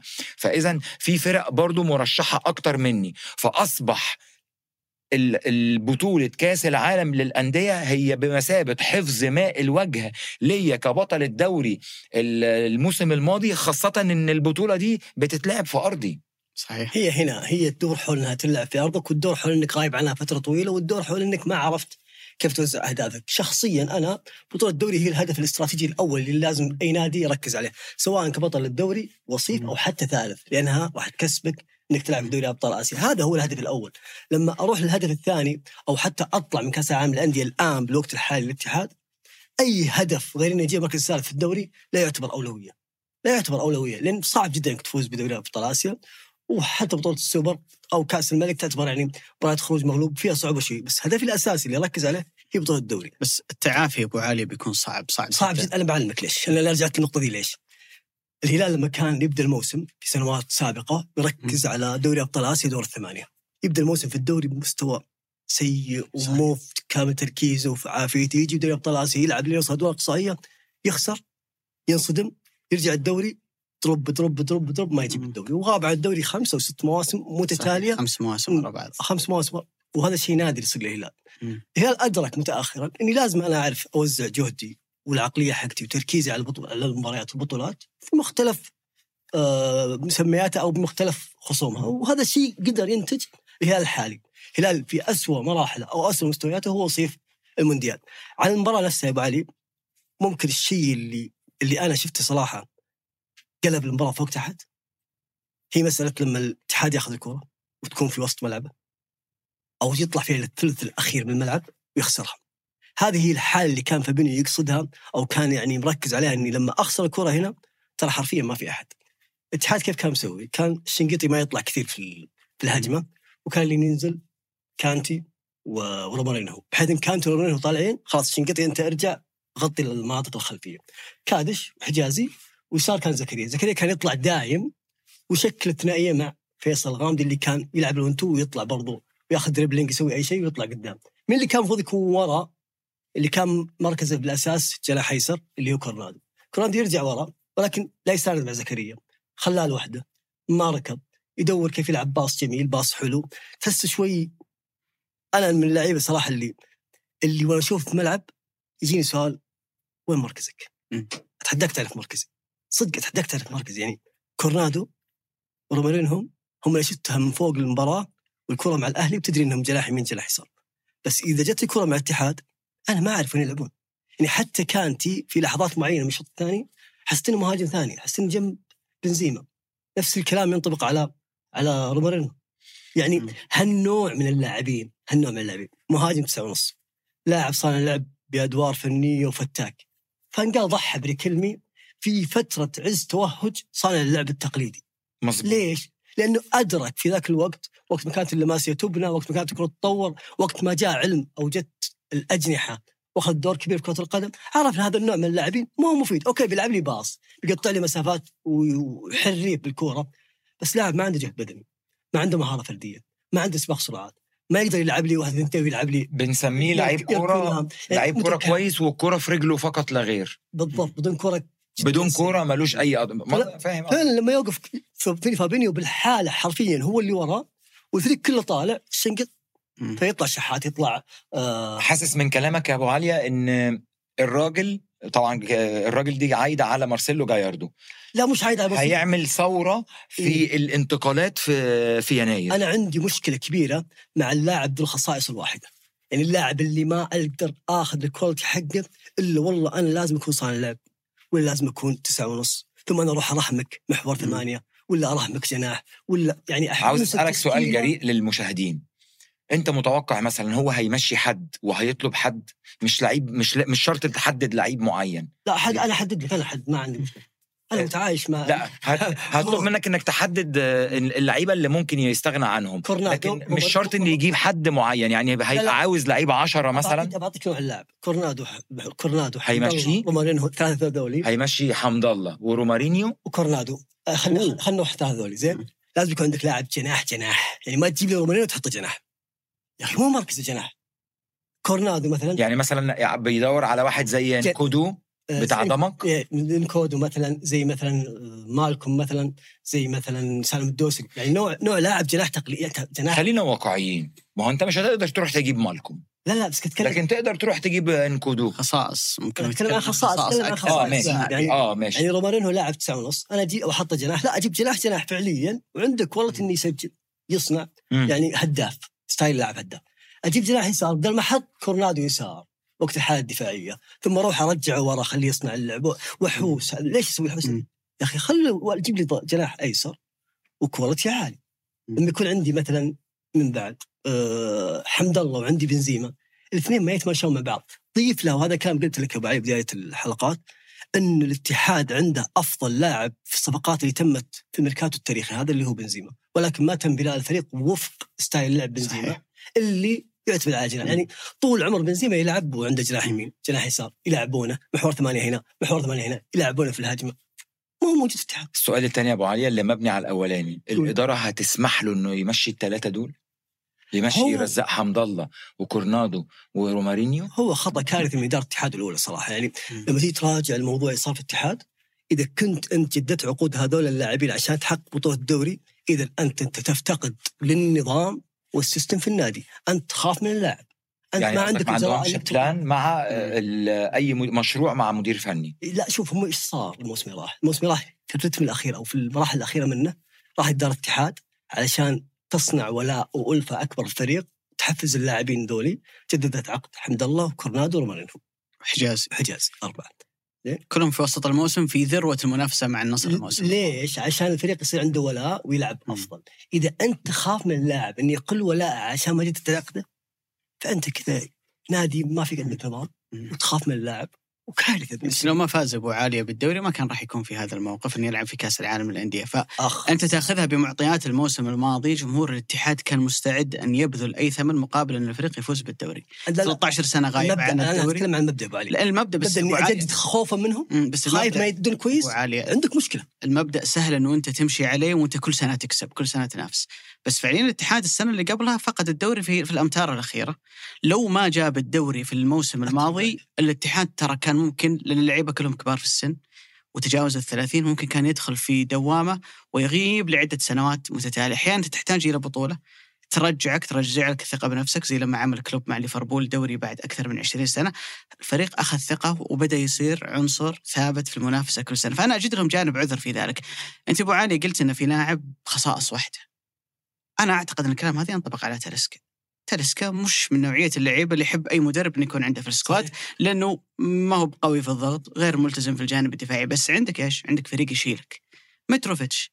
باستثناء داخل ال box يحط كور في المرمى بالرجل ولا بالراس متروفيتش مش لاعب عظيم زي هاري كين مثلا مهاجم متعدد الخصائص أو زي بنزيما. بس أنت عندك فريق يشيلك. المشكلة في الاتحاد ما في فريق يقدر يتحمل الأسماء هذه كلها مع بعض. لا يعني أنا ممكن الفريق يمشي لو فريق متضبط في جناح يمين كويس في بنزيما في ثلاثة وسط يا سلام عندهم خصائص متعددة واللي يكملهم رومارينيو ولا كورنادو. لكن لما يكون عندك رومارينيو وكورنادو وحمد الله وبنزيما وكل المشاكل هذه اللي موجودة عندك كلهم على بعض هذول ال package ترى بيبانون لهم سيئين. صحيح. لو أخذت واحد منهم وحطيته رومارينو حط رومارينو مكان تالسكا ترى ما حيبان ضعيف. لو أخذت بنزيما مثلا أو حمد الله حطيته مكان متروفيتش ترى ما حيبان إنه ضعيف. لكن تجميعاتهم كلهم مع بعض في فريق واحد. كان هذا هو الخطأ الكبير اللي سوت إدارة الاتحاد. يعني الم- المباراة البارح خلونا نتفرج على المباراة. الأهلي ماخذ راحته على الأطراف. صحيح. ظاهرين النقطة اللي تكلمنا عنها. بين الشوطين قلت بس حينزل جوتا حينزل جناح يمين ايا كان. والاتحاد حيبدأ الشوط الثاني ضغط عالي على ال- الأهلي وش سوى جاياردو طلع ظهيرين ونزل ظهيرين ثانيين. مكانهم يعني ذولا تعبوا الشوط الأول من الركض ومن اللي سبحان. الله الآفة اللي طول الموسم مم. الاتحاد بيشتغل عليها مم. لو مش مهند يبقى مضى الله. لو آه، مش آه، لو مش آه، زكريا هوساوي يبقى بحسين يبقى آم، ال- طه مسعود. ي- واللي نزل الشهيد الشوط الثاني امبارح أحمد بمسعود اصدمك بشيء. طول الموسم بيبدلوا مع بعض. ثبت طيب حتى شوية. وبعدين زكريا هوساوي ما فهمتش التغيير. طالع مصاب؟ لا لا لا. لا لا هو مش مصاب. هو الفكرة اللي عملها الموسم هذا حتى كانت مع نونو سانتو إنه أعطيني كل ما لديك بدنيا في شوط الشوط الثاني بنزل واحد مكانك لسه فريش. يعني عشان أواجه أجنحة الأهلي أنا كل شوط حلعب بظهير مختلف عشان بدنيا في كل مرة أكون قادر علي إني الكلام ده ينطبق. على واحد زي علي معلول. مم. خلاص داخل المعدل البدني تعب. لكن آه هي اسم الله خطأ بس أنا أحاول أحاول الله على زكريا. هوساوي زكريا إيه؟ مم. 23 سنة؟ يصير لسه ما هو يلعب في المنتخب آه، الاولمبي مص- يعني يبقى تحت 23 لسه هقول يبقى تحت 3 دون ال 23 سنة. فاذا بتطلب منه إنك تديني كل اللي عندك في في شوط؟ أمال لما يبقى 33 سنة هتطلب منه إنه يديني كل اللي عنده في ربع ساعة؟ وبعد كده هطلعك بعد ربع ساعة. أبو زيد خلينا نسأل السؤال المهم. الآن أنا أشعر بحسرة أي مشجع اتحادي. طبعا. وأنا معلش أنا بقول كلام كذا ينفع يكون في موسيقى حزينة يعني. خلينا فيها. هذه آخر كأس عالم بالنظام الحالي اللي يسهل لك فكرة ف- فرصة إنه أنت ممكن توصل نهائي. على أقل تقدير تلعب ضد مانشستر سيتي اللي هو أعلى منك في في الإمكانيات. ارضك وعلى أرضك وبين جمهورك. ما قصرش وفي نقطة مهمة جدا يا كابتن هذه كأس العالم الوحيدة اللي الأندية السعودية تشارك فيها بعد ما جو اللعيبة السوبر ستار. يعني الهلال الموسم بالفعل. الماضي لما شارك لا عنده متروفيتش ولا سافيتش ولا مالكوم اللي سعره 60 مليون يورو في نص إي. أفضل صفقة عملها الهلال كان بيريرا اللي فشل وسعره حوالي 20 مليون يورو اليوم أنت ولا. كل القائمة اللي موجودة عندك قيمتهم السوقية أعلى من أعلى لاعب في تاريخك اللي مظبوط. هو بيريرا فأنت لما تروح تشارك ومعك بنزيما وكانتي وفابينيو وكل الأسماء اللي موجودة عندك أنت في نسخة المفروض إنك تنافس على اللقب. أقل من إنك تلعب نهائي وتكون ند لند لمانشستر سيتي بيكون فشل ذريع جدا لك. اللي صار إنك أنت غادرت البطولة من ثاني مباراة. هذا يفتح سؤال عريض جدا. من المتسبب؟ أنا في ظني إدارة نادي الاتحاد هي رقم واحد. اللي خذت قرار إنه الفريق يعسكر في الطايف وما كان معسكر إعدادي جيد للفريق. اللي خذت قرار إن أسماء كثيرة من الموسم الماضي روماريني وكورنادو وحجازي وقروهي وأكثر من عنصر وحمد الله يبقون في الفريق على الرغم إنه كانت عندك فرصة إنه انت تغير الأهلي جاب ثمانية جدد الهلال جاب سبعة النصر جاب سبعة. أنت أخذت قرار إنك تبقي خمسة من الموسم الماضي ودخلت في عشوائية إنه أنت أصلا عندك عشرة لعيبة أجانب. ورحت الفكرة إنه لا هذا يلعب في آسيا كأس العالم وهذا. طيب جوتا اللي أنت قلت بيكون مخصص للبطولات الخارجية. ولا مرة اعتمدت عليه. حتى في كأس العالم لما جت كأس العالم اللي هي البطولة الأهم بالنسبة لك أنت ما اعتمدت عليه طيب أنت ليش تعاقدت معاه من الأساس؟ ليش ابقيت روماري حمد الله وبنزيما مع بعض؟ ليش ابقيت كورنادو ورومارينيو مع بعض؟ مجموعة قرارات خاطئة أخذتها في الصيف الماضي منها إبقاء مثلا على نونو سانتو مع أنا كنت متفق مع الإبقاء على نونو سانتو منها تغيير المدرب في وقت ضيق قبل كأس العالم كنت مع ال... الح... ال... الإبقاء على نونو على نونو سانتو بس بدون الأدوات اللي هو استمر عليها بمعنى. بمعنى أنه أنت أنا رايح لمرحلة جديدة. حلو. المرحلة الجديدة أنا أحتاج إني أشكل فيها فريق جديد. أنا أقدر أشكل فريق جديد مع نفس المدرب السابق ما هو بيب جوارديولا كل سنة. تذكر تصريحات. كل سنة يمشي ثلاثة أربعة ويجيب ويش- ويكون فريق جديد وهو بيب نفسه يعني. تذكر تصريحات. أنا ماني مضطر إني أغير بس الحفاظ على نفس المدرب مع نفس الأدوات اللي أنت يا الله جبت آخرهم. لما فزت فيهم بالدوري الموسم الماضي. بس لحظة. تراهن عليهم في موسم بس جديد. لحظة يا أبو علي. مم. بس لما يقدم لي نونو سانتو أنا كاتحداوي مثلا لما يقدم لي نونو سانتو ما قدمه جوارديولا لمان سيتي. ساعتها أديله زمام الأمور. اللي أنت عاوزه يا عم نونو سانتو سمعا وطاعه عاوز تمشي حمد الله؟ حاضر. همشيهولك. عاوز تجيب مين؟ عاوز تجيب مثلا متروفيتش؟ هدخل أنافس الهلال وأجيب لك متروفيتش. بس قدم لي السبت عشان أجيب لك الحد. لكن أنت جبت لي الدوري السنة اللي فاتت. بس. فهمت قصدي يا ابو علي في كل في كل يعني- النماذج في كل النماذج كابتن اللي مدرب يفوز بالدوري بعدين نقول له يعطيك العافية انتهى مشروعك فلنبدأ مشروع جديد. كم فرص النجاح؟ يعني عندنا نابولي مثال هذا الموسم يعطيك العافية سباليتي توكل على الله وتعال يا رودي جارسيا وش اللي صار؟ وش اللي صار في نابولي؟ ريال مدريد لما سواها مرتين مع كابيلو يعطيك العافية كابيلو وجيب نجيب مد- مدرب جديد دي ترى. في الغالب الفكرة لا تنجح عشان كذا أنا كنت مع فكرة إن نونو سانتو يكمل بس الأدوات نفسها اللي بدأ فيها الاتحاد الموسم من أول جولة من البطولة العربية كان كان واضح إن الفريق مليان مشاكل بس كان طيب. وعندك فرصة تم- للتغيير لكنك ما طب غيرت هل تم أخذ رأيه فنيا في اللعيبة اللي تم استقطابها؟ نونو سانتو في الموضوع هذا هذا موضوع ما يعرفه إلا اللي داخل ليه ليه يا ليه أبو علي. بس أصل هو اللي أنا أعرفه إنه دخل في صدام مع كريم بنزيما بعطيك صح ولا أنا. غلطان؟ بعط- بعطيك اللي صار في الصيف كامل في المؤتمر الصحفي في المؤتمر الصحفي البطوله العربية كان يتكلم كل مؤتمر صحفي نونو سانتو يقول أبغى لاعبين. قال مشوا لي البيشي ومشوا لي العبود ومشوا لي حمد الله الشبراني. أنا تذكرتهم زين. ودخل في مشكلة مع حمد الله على الرقم ودخل في مشكلة مع رقم إيه؟ هذا رقم تسعة. لما المدرب؟ المدرب مع اللاعب مع المدرب ليش يسحب الرقم مني؟ دخل في مشكلة مع رومارينو لحظة معلش. المدرب قرر يسحب الرقم تسعة عاد مو. المدرب عاد ما أدري من اللي قرر صراحة. ما أعرف من اللي قرر. لا أصل دي برضو ما- يعني إن المدرب يحط دماغه إنه بيعاقب. لعيب فبيسحب لا لا منه لا، الرقم. ما, يعاقبه بس أنت تعرف قيمة بنزيما وتسويقه وحتى على يعني مستوى إن أسحب منك الرقم تسعة ده مثلا يعني كنا بنسمعها أبو علي لو أنا هجيب رونالدو آه، رونالدو مش كريستيانو. رونالدو R9 بنزيما. بس أنت جايب بنزيما حامل كرة ذهبية في نهاية الأمر يعني. وعطاه كابتنيه بحكم إنه قائد عنده تاريخ كبير. إنه okay بتتحل بصوره ودية وبقعد معاه وبكبره وبقدره بس الموضوع ما ما حل في وقتها وتفاقم تفاقم. إلين جت القرارات الكارثية اللي بعد ذلك اللي هي تجيب جوتا وفجأة تعتقد انك إنك ما تبغاه وما تسجله وفجأة تلقى عندك عشر لاعبين وفجأة يعني مح... من ذاك المرحلة من ذيك المرحلة تحس إن في قرارات ياخذها نونو سانتو وفي قرارات تاخذها الإدارة وفي قرارات ياخذها طرف خارجي. يعني كل القرارات في الصيف كذا. يعني تمشي البيشي وحمدان okay هذا نونو سانتو بس جيت جوتا مين جابه؟ ما تدري. طيب القرارات اللي اتخذتها الجهة الخارجية؟ مع مثل جهه بنزيما مثلا تعاقد مع بنزيما فقرارات النادي كلها مرتبطة بثلاث عناصر. ما هي واضحة. عشان كذا ما مشت واتسقت في اتجاه متناسق. عرفت quality ال- اللي أنت تبغى تشوف فيه الفريق. لذلك شفت إن عندك عشر لعيبة. شفت إنك تايه في, في على مستوى خيارات المدرب شفت أن الفريق يظهر بهذه الصورة حرفيا كان في عشوائية كبيرة في الميركاتو الصيفي. في نهاية الأمر أنا وجهة نظري الشخصية كل هذه الأشياء وكل طرف خارجي ما يمكن يأثر على قرار الإدارة. لانك أنت الإدارة الملام ما حد راح يقول لك إن فيش نونو سانتو قال لك زي كذا أو الطرف خارجي قال لك زي كذا. لا أنت الاداره الملام. المسؤول الأول بالضبط، شوف الأمر. شوف الهلال وشوف النصر في مسألة. تعاقداته. يعني طرح عليهم أسماء كبيرة ورفضوها عادي من حقك ترفض ترفض في هذا الأمر. بس تلاحظ حتى من بداية ذاك الوقت والإدارة الاتحادية تحاول ترمي الطرف خارجي تغريدة تصريح انمار مم. لجنة الاستقطابات إيه، مم. ببعد نفسي وأنا ترى مالي دخل. لا مو القاء اللوم على طرف خارجي. يمكن أبو علي تكلمنا كثير عن الاتحاد وعن المباراة. أنا ودي أروح لأبو زياد في في نقطة مهمة جدا. هو يمكن أدرى بها. أمس وأنا أشوف المباراة. وشوف هذا الفريق اللي كم واصل المباراة في كأس العالم. فوق ال 22 22 اعتقد. مباراة في كأس العالم وعنده هذا السجل الكبير في دوري أبطال أفريقيا وعنده هذه القاعدة الجماهيرية. أكثر شيء أنت ممكن تبني عليه دوري في العالم هي تنافسية وندية بين فريقين بينهم هذا الصراع وهذا التاريخ. زي ريال مدريد وبرشلونة في الدوري الأسباني. لما يكون عندك هذه القيمة الأهلي والزمالك والتنافسية الكبيرة جدا ما بينهم ما هو حرام إن الدوري المصري يكون بهذا الشكل.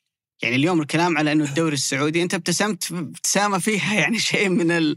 من الأسى. إنه اليوم الدوري السعودي بوضوح وهذه لا لا تقبل الجدال هو أقوى دوري عربي بوضوح. أتذكر زمان أنا بداية متابعتي للكورة لما كان يكتب في الإعلام السعودي إنه الدوري السعودي هو أقوى دوري عربي الصوت الوحيد اللي كان يقول لا أقوى دوري عربي موجود عندنا هو كان دائما يأتي من مصر. نبغى نفهم منك أصلا ليش ليش صار التراجع الكبير هذا جدا؟ اللي الناس ما عاد عندها شغف. يعني ما أعتقد مع احترامي إنه مباراة الأهلي والزمالك هي حدث أنا كمتابع عربي حبرمج وقتي إنه اليوم حفتح التلفزيون وأتابع أهلي وزمالك. مع إنه كل شيء متوفر. المستوى موجود.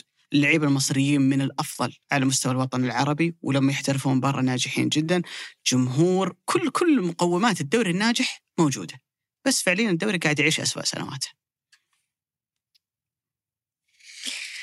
طيب آه تنهيدة طويلة. آه شوف آه الموضوع ده بيزعل آه بيزعل رغم إن آه للأسف آه أنا بقول الكلام ده حزنا على الوضع اللي وصلت فيه الكورة في في بلدي بس بقول الكلام ده من غيرتي على على على بلدي وحبي لبلدي. آه، طبعا خوف ما بخافش الحمد لله. ولا ولا اخواتي الاثنين الحمد لله.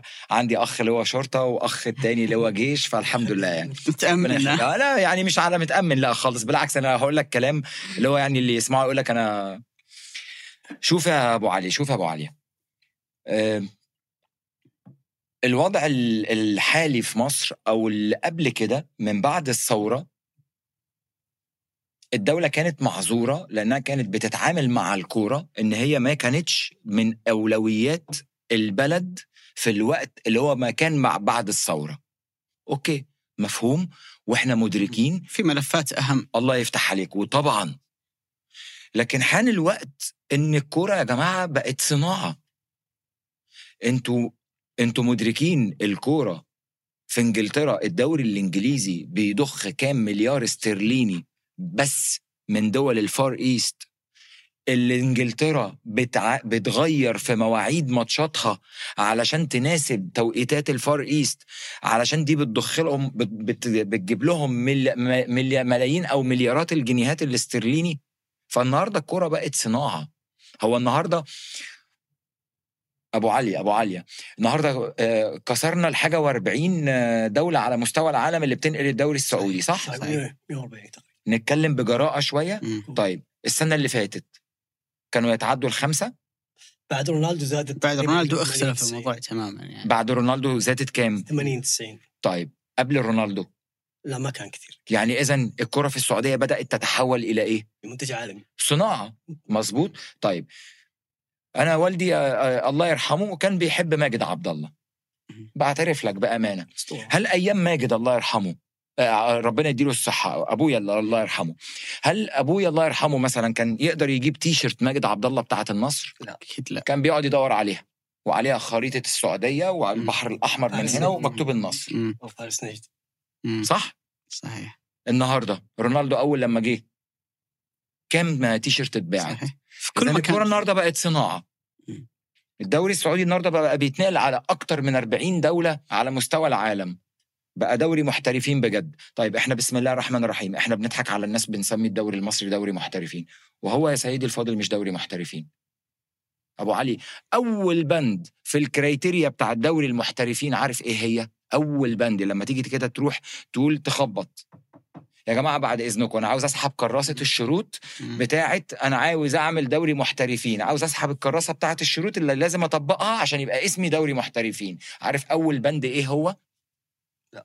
إيه هو. ما تعرفش. بسم الله الرحمن الرحيم. غير مسموح إن الدوري بتاعك يتذاع على قنوات مفتوحة.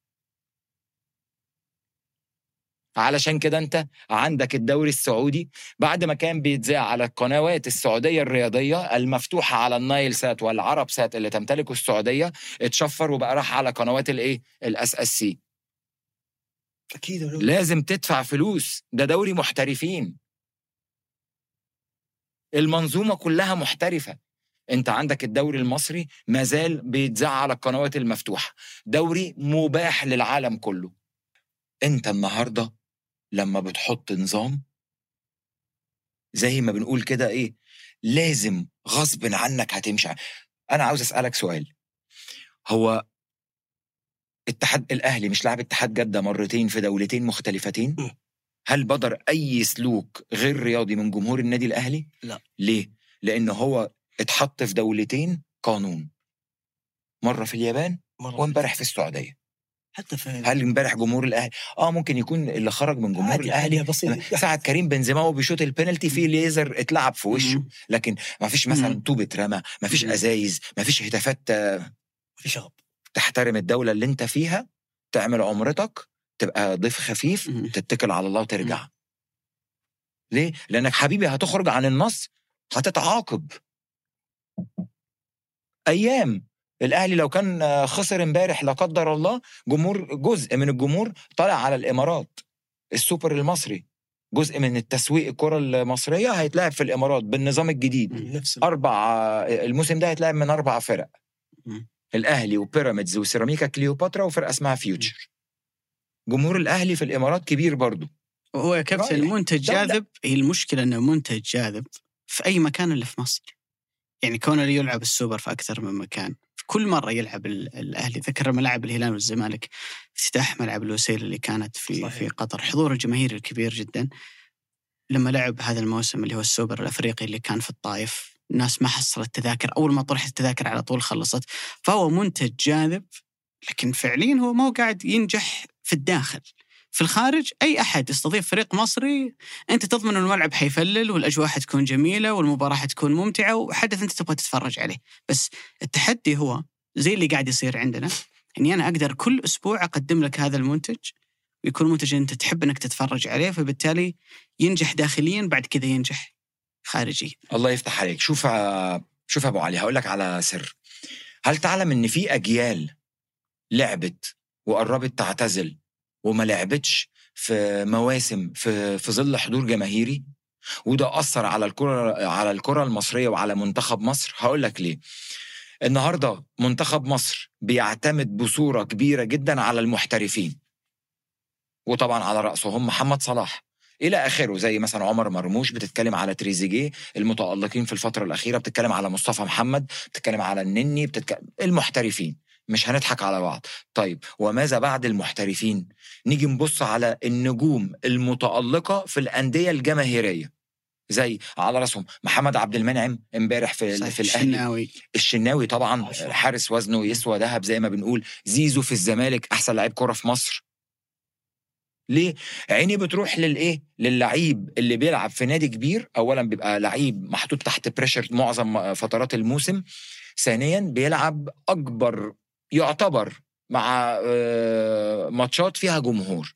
لكن أنا النهارده أقدر أروح أجيب لعيب على سبيل المثال أضمه للمنتخب من نادي المقاولين؟ لا. ليه؟ هو لعب تحت جمهور إمتى؟ لكن لما تيجي تبص زمان طب تعال النهارده نبص في ال... هو منشيني هنا في السعودية مش أخد عباس من ف... الفتح؟ صحيح. ليه؟ لأن عباس أسبوع قدام الهلال بيروح الملز ولا بيروح استاد الملك فهد قبل ما يتقفل؟ بيلعب قدام الهلال قدام جمهور الهلال. يروح على جدة يلعب قدام الأهلي قدام جمهور الأهلي. يروح قدام الاتحاد يلعب قدام جمهور الاتحاد. يروح قدام النصر في الأول بارك ولا المرسول بارك يلعب قدام النصر بال... قدام جم... أصبح متمرس إنه يلعب تحت بريشر صحيح. فعادي إنه لما يروح المنتخب السعودي عادي. وجه جديد لازم خلاص يتاخد. ما هو المنتخب السعودي لازم يغير الجلد الجديد ويبدأ يعمل جيل جديد يبدأ يبص لقدام. ما هو ده اللي بيشتغل عليه مانشيني. خلينا نرجع للدوري وباخذ العبارة اللي قالها أبو زياد تكلم عن الهلال وانتصاره اللي كان أمام الوحدة وتعزيزه للصدارة. الفريق المتوحش اللي وصل إلى 18 انتصار متتالي في مختلف المسابقات يعادل به الرقم القياسي اللي كان للنصر أعتقد موسم 2013 2014 واللي الهلال على بعد انتصار واحد من إنه يصبح أكثر نادي سعودي يعمل سلسلة انتصارات متتالية.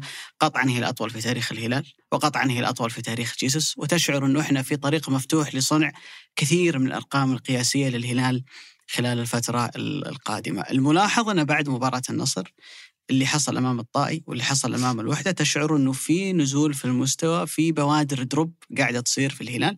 لكن الخبر الجيد إنه على بعد مباراتين من التوقف فبالتالي ما اللي بعد كاس آسيا هو موسم ثاني حيبدأ بفترة إعداد وبتفاصيل كثيرة مختلفة لكن اللي يشعرك بالفعل إنه هذا الفريق متوحش إنه حتى وهو ما ما يؤدي بأفضل شكل أمام الطائي وأمام ال- الوحدة إن الفريق يكسب. وأنا عندي وجهة نظر إنه أعلى مراحل الثقة والمستوى الفني إنك قاعد تتفرج على فريق وما يلعب بشكل جيد والمباراة تحتمل أنها تروح هنا أو هنا بس أنت عندك يقين إنه هو حيكسب. سيجد طريقة ما ليسجل هدف وسيجد طريقة ما يكسب فيها المباراة. ما دي سمة من سمات الفريق البطل يا أبو علي إن أنت قاعد عارف إنه هيكسب هيكسب. حلو وحش هيكسب هيكسب. ما دي سمة من سمات الفريق في البطل. المباراة نفسها يا كابتن يعني أمس تفرج الشوط الأول مش أفضل أداء لسالم ولا لمالكم ولا لميشيل ومتروفيتش ما ما قاعدة توصل كور كثير. بس أنا عندي يقين الهلال حيفوز حيلاقي طريقة. يا من كورة ثابته يمكن ما كنت أتوقع إنه سعود عبد الحميد اللي راح يفتتح المباراة من خلال الهدف الأول بس أنت عندك شعور إن الفريق هذا حيكسب. في مباراة الطائي لما كانت 2-0 سجل روبن نيفيز هدف بعدين ألغي بعدين الطائي سجل هدف. رحنا الشوط الثاني 2-1 والهلال لعب 45 دقيقة وهو مهدد. إنه ممكن الطائي يخطف المباراة. أنت عندك شعور إنه لا الهلال ما راح يصير معه. هذا الموضوع. مظبوط آه، قلت نقطة مهمة جدا يا أبو علي في منتهى الأهمية. من وجهة نظري لازم آه، جيزوز يشتغل عليها في الفترة اللي جاية. حلو جدا إن أنت تثبت آه، التشكيل علشان تفرق عن كل ال- آه، الأندية. ثبت التشكيل فرقت عن كل الأندية بتتوحش زي ما بنقول أسبوع عن التاني. آه ما شاء الله تبارك الله. اللي, اللي يقدر يوصل لجول يا- ياسين بونو يوريني. صحيح الطائي قدر يسجل مم. لكن بتتكلم في 14 15 مباراة. صحيح. آه الهلال دخل فيه هدفين. صحيح. آه ألم ماكسيما وفي مباراة الطائي ف clean sheet قدام قدام رونالدو تاليسكا أوتافيو ماني آه، بروزوفيتش. ما شاء الله وريني اللي يقدر يهز شباك ياسين بونو. فإذا الفريق بيتوحش لكن أنت داخل على مراحل الحسم داخل على الدور الثاني داخل على دوري أبطال آسيا. عندك squad أو قايمة تسمح لك إنك تبدأ تدخل عناصر. بلغ... بلغة الكورة كده ما تعصرش القايمة اللي عندك. صحيح. في الدور الثاني ممكن يوم ال curve يبدأ يعمل كده تفرط في النقط نقطة ورا الثانية أنت عندك لعيبة كبيرة. مش جات لك مباراة زي الطائي ليه ما تديش عبد الإله الملكي في نص الملعب؟ ريح كنو شوية. صحيح. ريح نيفيس شوية. ريح سافيتش شوية.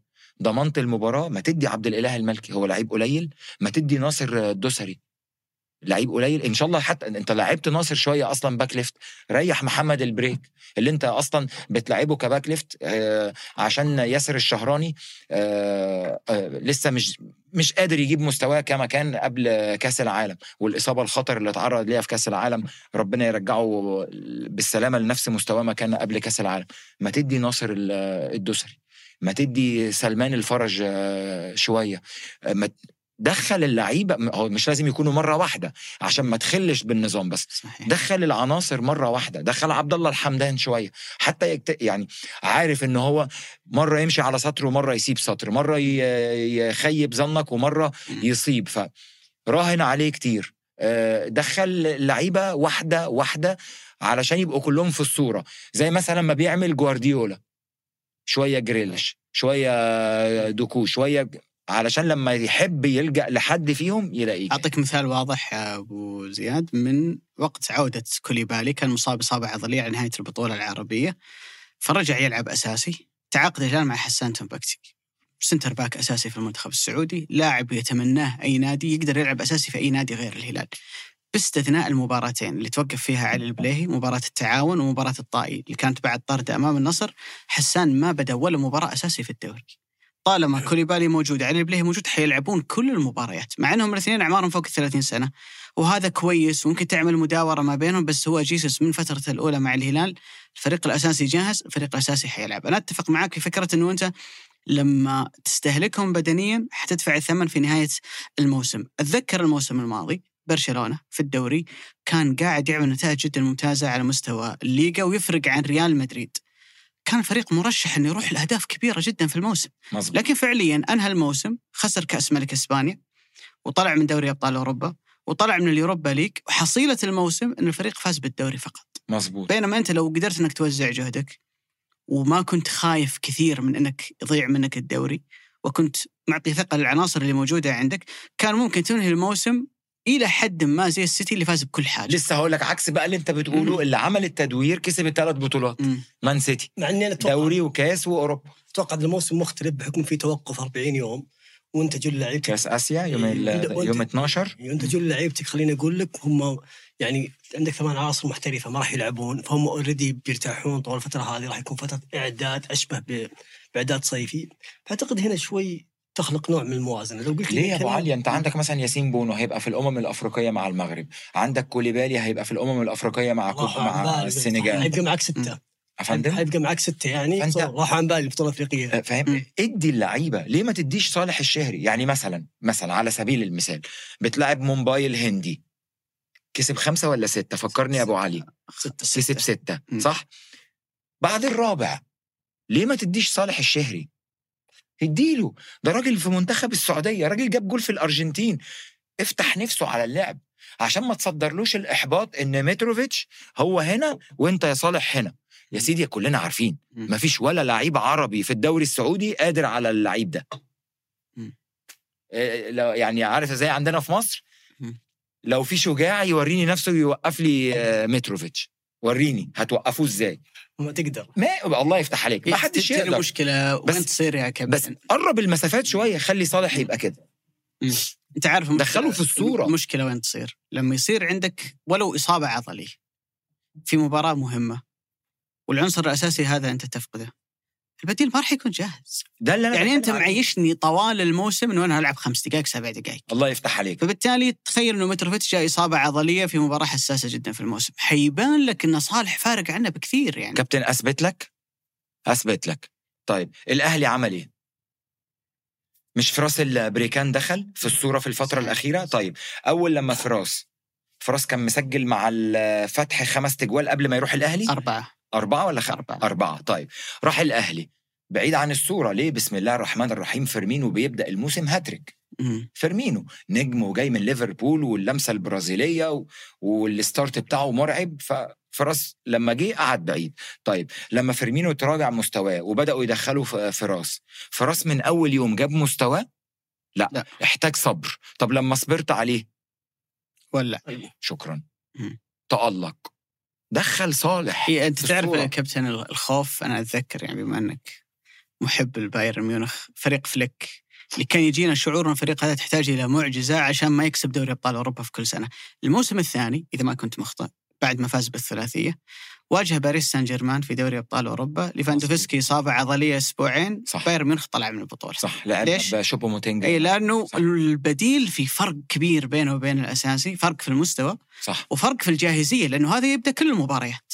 فبالتالي ممكن أنت ترى إصابة عضلية في وقت حساس ترى ممكن تغير من موسمك فبالتالي لا تخسر لاعبك اللي على الدكة. بس وجهة النظر الثانية يا أبو علي تقول مم. إنه okay أنا ليش أضحي بمباراة أو إني ما ألعب متروفيتش ممكن تعثر في هذه المباراة ولا استفدت شيء. أبعد الفارق وأبعد الفارق. وإذا جت اصابه العضلية عاد أشوف شيء وش يصير وقت. يعني أحاول إني اللاعب يلعب أساسي واخذ هذا كسبك دوري يا أبو علي. يمكن زي ما نتكلم عن نموذج برشلونة الموسم الماضي. هذه كسبك دوري.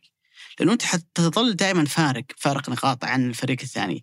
بس لما يجي مباراة خروج مغلوب ويصير لك فيها ظرف ولا إصابة ولا ظرف معين أنت فعليا اللاعب البديل أنت سلمان فرج يعني من بداية الموسم كم مباراة لعبها بشكل قليل. اساسي قليل. فبالتالي عدم مشاركته وابعاده بهذا الشكل مضر. نفس الكلام عبد الله المالكي تقريبا ما يلعب. بالظبط ما يلعب. بالظبط وعبد الإله لعيب تقيل زي يعني مش قصدي تقيل وزنا. يعني لعيب لعيب لعيب كورة جامد. ليه ما بيلعبش؟ ليه ما تلعب؟ ليه ما بيلعبش؟ اديله. يعني بشوف إن هو لازم يبدأ يدخل عناصر كتير في الفترة ال- الفترة اللي جاية بصراحة. يعني حتى حتى على مستوى المدافعين. آه، ريح البليهي شوية. ادي آه، ادي آه، حسان التومباكتي. ريح. كوليبالي. آم، في مباريات ما بتستلزمش إن أنت تلعب بال بكامل قوتك. حافظ حتى على لعيبتك. حافظ على حتى عشان الإنذارات. حافظ حتى احميهم حتى من الإصابات. احميهم من الإجهاد. فوجهة نظري إن في أحياناً بعض حتى المباريات الاجهاد ترى ممكن يكون ذهني يعني بعض اللاعبين كثرة المباريات ضغط المباريات عليهم خلاص يفقد القدرة على التركيز. أحيانا ممكن ما تكون عنده إصابة بس يمر بدروب آه، يمكن زي اللي مر فيه ميشيل في الفترة الماضية. يمكن حديثنا شوي أغرق في السلبيات عن الهلال لكن قطعا الهلال قاعد يعيش واحدة من أفضل فتراته اللي أنا بالنسبة لي أنا ولا في يوم من الأيام شفت الهلال بهذه القوة، يعني أنا شفت هلال أمتع من الهلال الحالي اللي مع جيسوس، شفت هلال ممكن وأنت تتفرج عليه تحس إنه هو مبهج. أيام ثنائية مثلا طارق التايب وياسر القحطاني فترة رازفان لوتشيسكو كان الفريق تحس إنه يفوز وفي كثير من الإقناع، الفريق الحالي بالنسبة للهلال مقنع جدا قوي جدا لكنه ما هو فريق تحب مش فريق سيرك. تحب إنه أنت تتفرج عليه وتستمتع فيه كثير بقدر ما إنه فريق هو حيكسبك تقريبا في كل مباراة. دي حقيقة. شوف يا أبو علي أنا مرة قلتها على إس إس سي وأكيد جمهور الاتحاد يزعل بس هو يا جماعة هي دي الكورة. هي زي ما بيقولوا هي الكورة دول. أنت النهارده في أزهى عصورك آه، جمهور الاتحاد بيبقى عايش على الأمل إن أنا في يوم من الأيام أبقى الفريق المتوحش. ما هي دي حلاوة الكورة إن أنا في يوم من الأيام قوي جدا وببقى يعني عايش أزهى عصوري. ما هي دي حلاوة الكورة. ما في أحد يكسب على طول. بالظبط الله يفتح عليك. ريال مدريد اللي هو أكبر نادي كرة قدم في العالم شفت زي ما أنت قلت من شوية كان عنده لعيبة الدنيا كلها ومع ذلك آه، ما عملش أي حاجة. فهي الكورة نتكلم بال- بالعقل الهلال في حتة تانية خالص في الوطن العربي. مش بس في السعودية في الوطن العربي. قلت كلمة يمكن زعلت جمهور الاتحاد شوية. حتة إن الهلال لو هو اللي بيلعب في كأس العالم للأندية أنا مستعد اراهنك لو الرهان مش حرام الهلال آه، final مع مان سيتي. يعني لو واجه الأهلي يكسب الأهلي. أنت بتهزر؟ طب والثقة يا كابتن وروح الفانيلا الحمراء. لا. روح الفانيلا الحمراء. يعني أنت تيجي تقول لي روح الفانيلا الحمراء قدام مان سيتي مثلا؟ روح الفانيلا الحمراء دي أكيد ليها سقف. وهو مثلا بس في شعور عند المشجع مشجع الأهلي إنه أنا أقوى فريق في الوطن العربي. شوف يا كابتن هل انت لما تروح انت سافرت قطر ورايح تحضر منتخب بلدك طبعا شرف إنك تساند منتخب بلدك بس انت رايح والنسب الكبيرة مش هنضحك على بعض صحيح؟ إن الأرجنتين هتكسب صح صحيح. بس جواك أمل إن رجالة بلدك هيعملوها صحيح رايح ولو حتى واحد في المية وتسعة وتسعين في المية الأرجنتين هتكسب. بس جواك أمل؟ آه لو يعملوها. صح. صحيح. أنت رايح علشان الأمل الواحد في المية. ربنا جبر بخاطرك ورجعك بالواحد في المية. اللي أنا عايز أقوله لك إن الأمل أنت عايش عليه. أنا رايح أقابل مان سيتي وعندي فرصة واحد في المية. أنا رايح على الواحد في المية. ممكن أخسر. ده هو 99% أخسر. أنا متقبل الخسارة بس اللعيبة تعمل اللي عليها. النسبة هذه أمام الهلال كم السنة اللي فاتت يا كابتن الأهلي خسر من ريال مدريد في كأس العالم للأندية. الجمهور كله كان بيسقف للاعيبة الأهلي. صحيح. ليه؟ الأهلي عمل ماتش عمره ضيع سبع فرص على ريال مدريد. في فرق في أوروبا وفي فرق في الدوري الإسباني ما عرفتش تضيع عدد الفرص ده على مرمى ريال مدريد. طب أنا حورطك يا أبو زياد. النسبة كم حتكون لو الأهلي واجه الهلال؟ 90 80 20 أوه. الأمل حلو في الحياة. طبعا الأمل حلو في الحياة. بس أبو علي بس عاوز هنا ولا هنا؟ عاوز العقل ولا العاطفة؟ أكيد العقل أكيد. بس خ... زي ما قلت لك الع... العقل شوف أنا قلت لك إيه. ال- الهلال في حتة تانية خالص. هل أنا هلالي والله ما أعرف. والله العظيم ولا هلالي ولا ولا هلالي ولا نصراوي ولا أهلاوي ولا اتحداوي طبعا يحصل لي الشرف إن أنا يكون أنت. بس أنا أنا مصري. يعني يحصل لي طبعا الشرف إن أنا أكون. سعودي بس أنا يحصل لي الشرف إن أنا أكون مصري. ما عنديش أي انتماء لنادي بس أنا بتكلم هنا. صحيح. والله لا أنت أبو زيد تفرجت على الكره في كل مكان في العالم. يعني يمكن أنا وأنت أبو عالية يمكن عندنا اهتمام شديد بالكره الأوروبية والعالمية فنتفرج على الكرة في كل مكان. وش السبب اللي يخليك تقول الكلام هذا عن الهلال؟ إنك تشوف الهلال اليوم في هذا المكان يعني؟ منظومة. منظومة متكاملة من أول ياسين بونو لغاية متروفيتش. أي ترس بيطلع من مكنة الهلال المكنة ما بتتأثرش. في نظام. أجيب لك بدل الماتش يا أبو علي. بدل الماتش. خمسة خمس مرات. ميشائيل يطلع. كلعيب بيتغير. يعمل كده. وزعلان. ويرفض يسلم على المدرب. وي- ويخبط إزازة المية. و... وجيزوز واقف. عارف عندنا في مصر بيقول إيه؟ عامل عبيط. براحتك يا حبيبي. آه، أنت فاكر لما تعمل الحاجات دي؟ أنا هخاف منك. فالماتش اللي جاي لو شفتك وحش وما بتنفذ هسيبك في الملعب؟ لا. في نظام. منظومة. الهلال اللي هو وصل ليه ده مش من فراغ.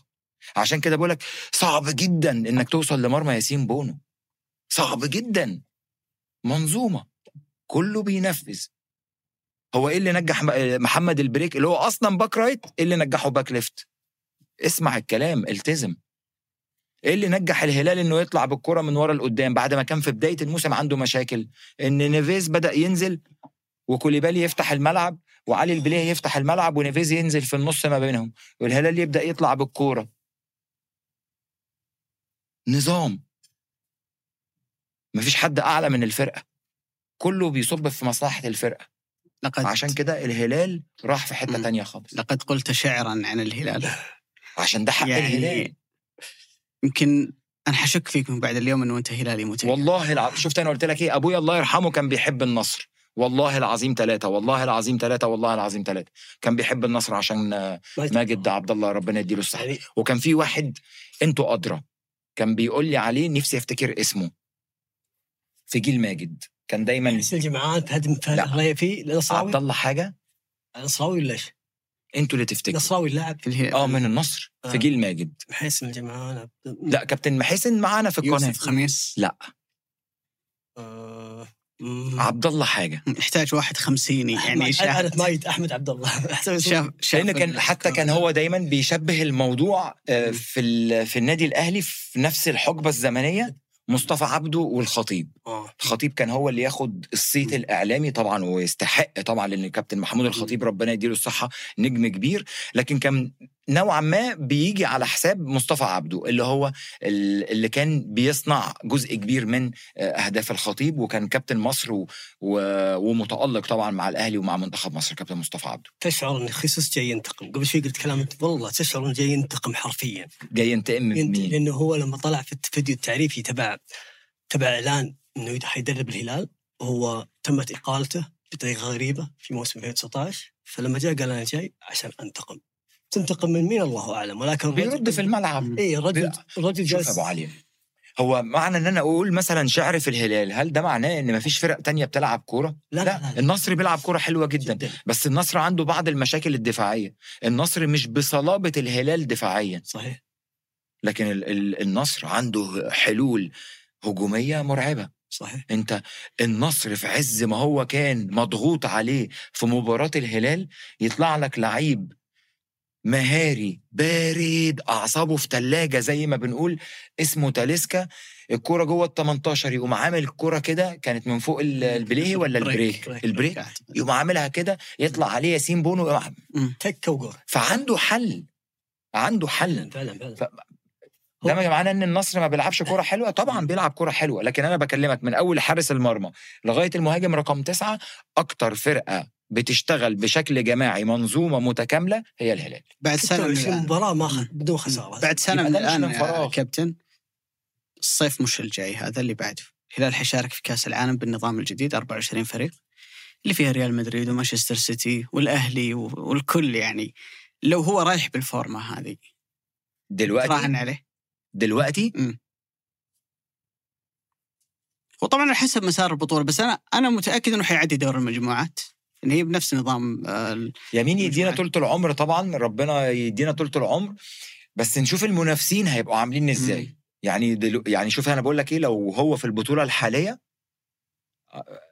أعزمك أحلى عزومة على المطعم اللي أنت بتحبه. الهلال final مع مان سيتي. وراس براس.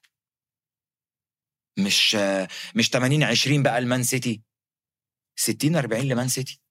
55 45 لمان سيتي الهلال تقيل قوي يا جماعة على أرض الملعب صدقوني والله بس الناس ما كانوا. مستوعبين ذا الشيء قبل ما حد كان مستوعب في فترة من فترات طيب الأهلي يمكن عارف أنت ع- مم. في بعض الأوقات أنت ما بتحسش إن عشان يمكن أنت مستكتر على ابن بلدك إنك تقول إن هو. تقيل صحيح. ليه إيه الم... يعني ليه عقدة الخواجة محسسانا إن لا لا لا مهمين يا جماعة ده نيمار طلع من الفرقة ولا كأنه لعيب عادي طلع من الفرقة الفرقه بتشتغل ونظامها مكمل وبتتوحش أكتر وأكتر وكأن اللعيب اللي خرج ده لعيب عادي. لا ده لعيب مش عادي صحيح. اللي خرج. و...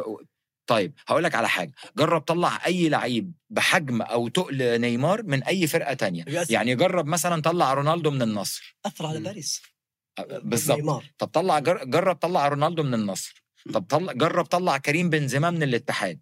طب جرب طلع رياض محرز من من الأهلي. طب جرب طلع آه، مثلا آه، يانيك صح. كاراسكو من الشباب. طب جرب طلع مثلا آه، مراد باتنا من الفتح. طب جرب طلع طلع مثلا ديمبلي. مين؟ اتفاق. موسى ديمبلي. آه، موسى ديمبلي مثلا من ال- من الاتفاق. طب جرب طلع مثلا بلاش موسى ديمبلي. جرب طلع هندرسون من الاتفاق. بلا هقول لك حتى. طب آخر أخ... يعني الأمثلة كتيرة. أقول لك مين ولا مين مثلا. ف هو طوال يعني- تاريخ آه، أبو زياد طوال تاريخ الهلال. ما كان دائما الفريق اللي يرتكز على عنصر سواء كان هذا العنصر هو لاعب داخل الملعب وهذه ممكن نقطة برا الملعب. يمكن ما أعرف إذا أنت عاصرتها كثير في الدوري السعودي الهلال عمره ما كان له رمز. الأندية الأخرى كانت دائما متعلقة بالرموز. رئيس رئيس هيئة أعضاء شرف شخصية م، خلينا نقول تجمع البيت الهلالي أو النصراوي أو الاتحادي بمجرد فقدانه تشعر أن الفريق دخل في في سنوات مظلمة، الهلال عمره ما كان دائما مرتكز على شخص. يعني رحمة الله عليه الأمير بندر بن محمد اللي توفي خلال الأسبوع هذا واحد من أنجح الرؤساء في تاريخ الهلال، لكن الهلال نجح بعده، نجح بعد محمد بن فيصل ونجح مع مختلف الرؤساء اللي كانوا موجودين، فأعتقد أن وجهة الشبه وجه الشبه ال- الواضح بين الهلال والأهلي المصري اللي تكلمنا عنه في جزء كبير جدا من هذه الحلقة أن الأندية هذه عبارة عن مؤسسات. النظام، المؤسسة، الكل يندمج داخلها سواء من مدرب، سواء من لاعبين، سواء من كل العناصر الأخرى اللي موجودة داخل الفريق، فبالتالي تشعر زي ما قلت لما تشيل عنصر ايا كانت أهمية هذا العنصر الفريق لا يتأثر. والهلال مرت عليه فترات يعني حتى نتكلم عن المدرب كونه قائد المشروع، الهلال في يوم من الأيام مشى من عنده كوزمان، ومشى من عنده جيرتس، ومشى من عنده. جيسوس في الفترة الأولى.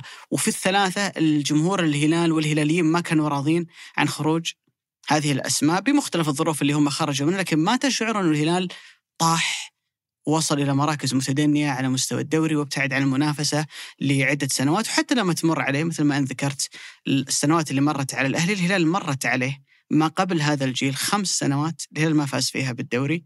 سنة كان الشباب سنة كان الفتح. سنتين كان النصر وسنة كان الأهلي كانت خمس سنوات الهلال غاب فيها عن الدوري. لكن ما بعدها إذا فاز الهلال بالدوري هذا السنة حيكون الخامس في آخر سبع سنوات. فاز فيها باثنين دوري أبطال آسيا خسر نهائي الموسم الماضي شارك كأس العالم ثلاث مرات.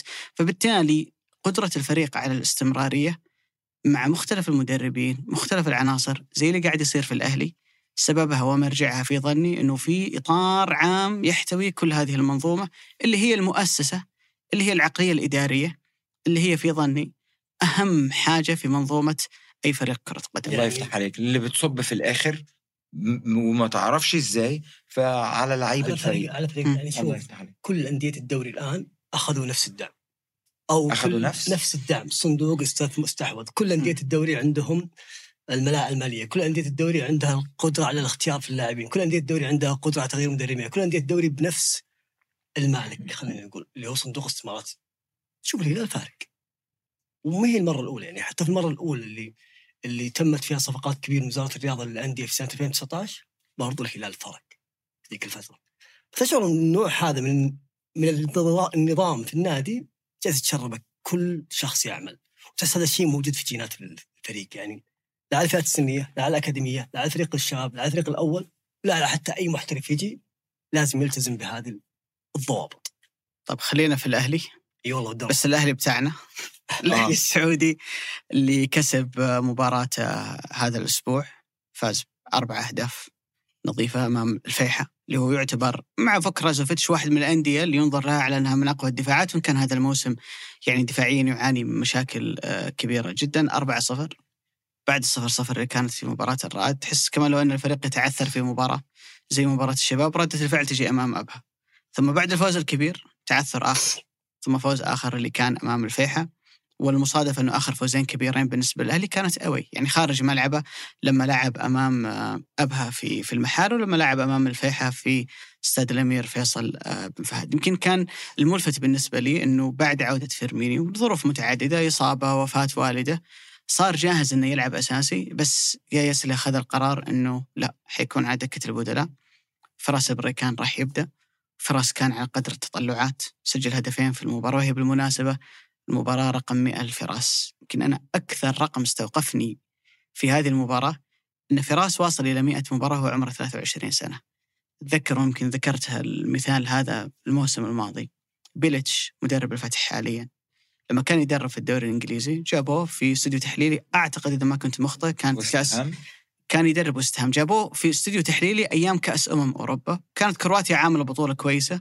فسألوه أعتقد إنه في البي بي سي عن ليش عندكم اليوم مودريتش كوفاسيتش راكيتيتش لعيبه وسط حريفين كثير.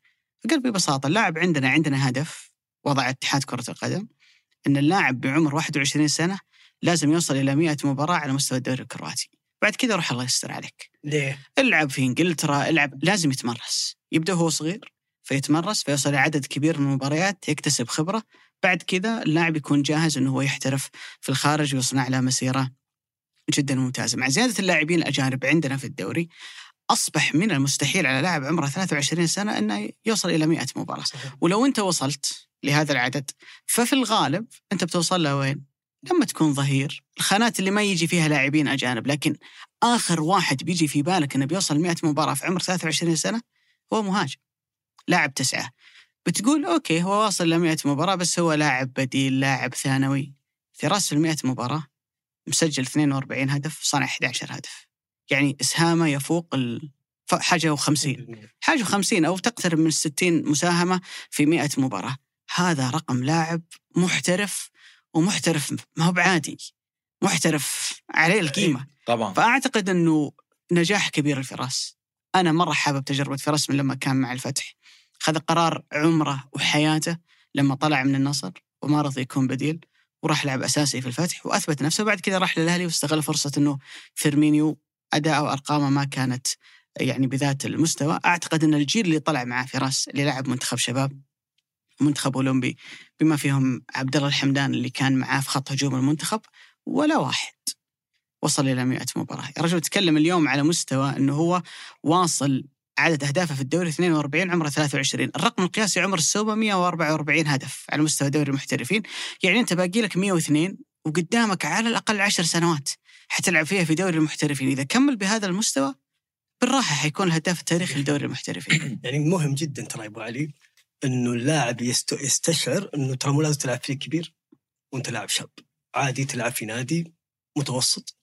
نادي ينافس على أهداف أقل يعطيك نوع من التجربة نوع من الخبرة نوع من. من اللعب عدد مباريات كبير ويفرق معاك على مستوى إنه يتحسن مستواك على على صعيد إنك تلعب بشكل أساسي اللي فرق في الأهلي يا أبو علي على مستوى النتائج أنا شايفه تقريبا في لحظة كذا محورية صارت قلبت موسم الأهلي فوق تحت بعد الخروج من أبها في ملعب الجوهرة الفريق راح لشكل ثاني مختلف لا على مستوى الأسماء ولا على مستوى النتائج ولا على مستوى الصلابة الذهنية.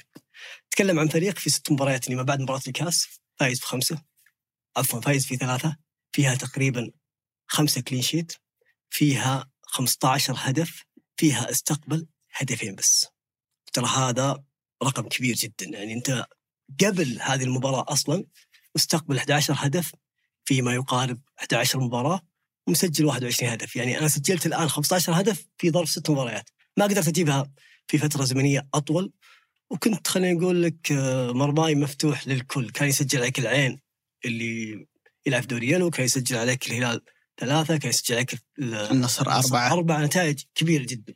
فأعتقد القرار اللي أخذه النهائي أو الجازم آه، يسلي بحكم أنه ألمانيا أتوقع أنك تعطيني شوي بعد ثاني عنه. هو أنك تلعب فيجا خلف فراس البركان قدام تقريبا هذا التغيير الوحيد اللي غير شكل الفريق. أمس صار وفراس أكيد يعني مكان وفراس فيرمينو. فراس مكان فيرمينو وفيجا بدل ما يكون محور ثمانية يمين صار صانع لعب أقرب من يكون صانع لعب. وصارت حاجة مهمة ترجع الكلام اللي تكلمت عنه في مسألة توظيف سعد بالعبيد في مباراة الرائد الرائد هي كانت؟ الرائد ال- رائد إيه. اللي قبل هذه لما قلت إنه كان ينزل ويصير أشبه بلاعب يعطي الزياده العادية. امس مين كان يسوي هذا الدور؟ مجرشي علي مجري يسجل؟ مم. هدف؟ الهدف الأول ترى الهدف الأول ترى طالع كورة فيه. لو ما ض- ضربها فراس كانت بتروح لعلي. بالضبط. مم. الهدف. الثاني أخذها. وفي كرة من من محرز كانت قريب إنه يسجلها.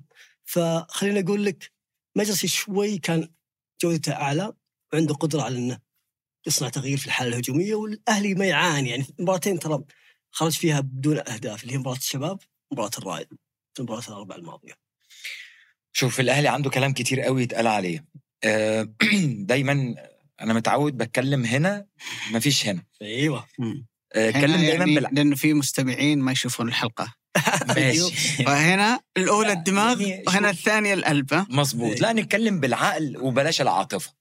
لأن لما بنتكلم بالعاطفة الكلام ممكن يبقى على مزاج الناس. الله أقول لكن الكلام اللي بالعقل ممكن يزعل الناس ممكن يوجع الناس لكن بيكون في مصلحة الأهلي. الأهلي عنده مشاكل كتيرة قبل ما تكون مشاكل فنية. إيه هي يا أبو علي؟ إيه هي يا أبو علي؟ الأهلي عنده ثلاث نقط بسرعة. واحد الأهلي مستعجل جدا جدا وعاوز يجر يكرر التجربة الألمانية. مش التجربة الدنماركية بقى بتاع عادل إمام. التجربة الألمانية. إيه هي التجربة الألمانية؟ أفندم؟ اللعب المباشر تقصد؟ لا. آه. في فرقة اسمها كايزر سلاوتن في ألمانيا. أوكي. كايزر سلاوتن هو الفريق الوحيد اللي في تاريخ الكورة صعد. اللي نزل درجة تانية في موسم 97 98 صعد. صعد للممتاز. 97 98 بطل. في أول موسم ليه في الدوري الممتاز كسب الدوري. لا بايرن ميونخ ولا بروسيا دورتموند ولا ليفركوزن ولا شالكي ولا شتوتجارت ولا بريمن ولا هامبورغ. ولا كل ولا هامبورغ ولا الأندية الكبيرة اللي في, في ألمانيا ولا جلادباخ ولا كل دي. طق في حد في وقعه العالم كله. أنا كنت وقتها بدرس في ألمانيا. العالم كله كان قاعد مبلم. واللي بسببها اتسمى أوتو ريهاجل King Otto. الملك أوكي. أوتو. أوتو ريهاجل.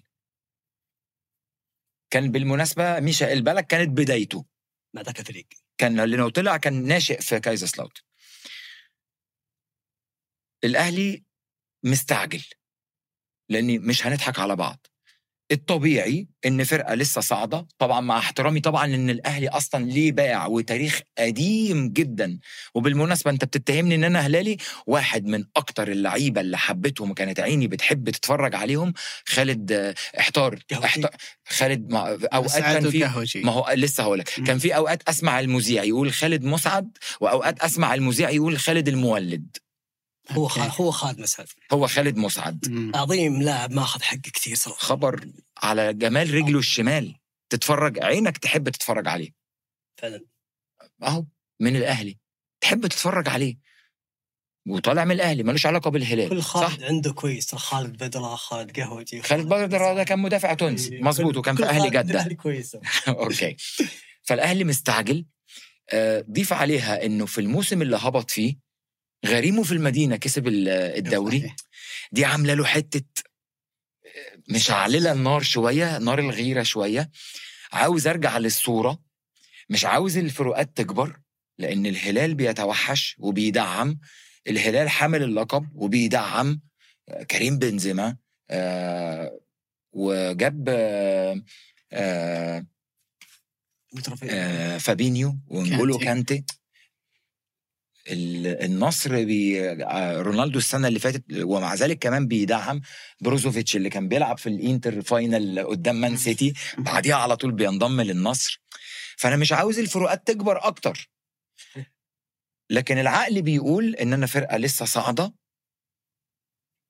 أبقى بلعب إن أنا أبقى مش في ال mid table لأن الأهلي أكيد سهل عليه نبقى في ال mid table أو في نص الدوري أبقى في أول أربعة أو أول ستة. العقل يقول كده صحيح. لكن الاهلي عينه على اللقب من أول يوم. دي أول نقطة. تاني نقطة دي عاملة له إيه؟ استعجال. بالله عليكم ارجعوا لماتياس يايسلا وسلوكياته ك head coach واقف على الخط. ك head coach ل Red Bull آه سالزبورج وارجع لسلوكياته وهو head coach في أهلي جدة. هنا هتلاقي هو هو نفس الشخص لما كان صغير سنتين ثلاثة هادي الله يفتح عليك راسي وهادي والمفروض لما كسب سنة أو سنتين في العمر المفروض يبقى أرسى أو أهدى واكتسب خبرات عصبي ويجري ويقعد يعمل كده ويعترض على الحكم ويزعق ويعمل انعكس على المدير الفني. الاستعجال بتاع الإدارة انعكس على المدير الفني. يلا. لازم تكسب لازم تنافس لازم لازم نكسب الدوري لازم ن... okay. أدي لك النقطة الثالثه اللي تأكد لك النقطة الأولى والثانيه أحلى ماتش لعبه الأهلي هو ماتش الاتحاد. الأهلي لو لعب كل ماتشات الدوري زي ماتش الاتحاد الأهلي بطل الدوري الموسم ده. التزام خططي. قافل على الاتحاد كل مفاتيح اللعب. التزام تنفيذ تحول في. في.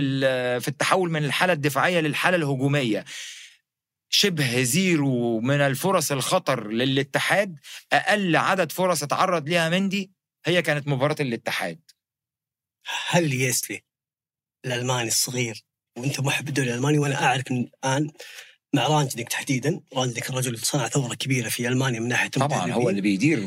مشروع Red Bull كله ولا هو بعد أثر على امكان مع هوفنهايم هوفنهايم أثر حتى على على ناجليزمان أثر حتى على على يسلي وأثر على مدربين. كثار. وبنى وتوخيل. وبنى خلينا نقول لك أساس مدربين ألمان صغار شبان رايحين level أعلى والآن هو الشيء هذا موجود في إيطاليا مدربين شبان يحققون نتائج كبيرة مثل مدرب نيس فارخ وتوقف فريق. وحاجة زي ديزيربي ودي زيربي أيضا فهل الالماني يسلي يعني ما أذكر في مدربين الالمان جو السعوديه كثير. قلهم هل هو قادر إنه يكون الرجل المناسب في المكان المناسب؟ شوف دي نقطة تانية مهمة. أنت اخترت إن أنت عاوز تبقى آه، فريق بطل صح؟ صحيح؟ يبقى لازم تجيب مدرب بطل. الله يفتح عليك. يبقى لكن لو أنت عاوز تجيب مدرب يصنع هوية فريق. آه أوكي اختيارك لماتياس ياسلا هو اختيار موفق. راجل هيعمل لك هوية للفريق. وانضباط. وانضباط بالظبط إيه راجل ألماني هيحط لك هيحول لك الفرقة إلى الهوية بتاعته. فرقة بتلعب كرة مباشرة كرة سريعة. مش لازم تكون فيها كرة جمالية لأن ال- ال- المدرسة الألماني بيقول لك ال remote control في إيدك يا أبو عليا.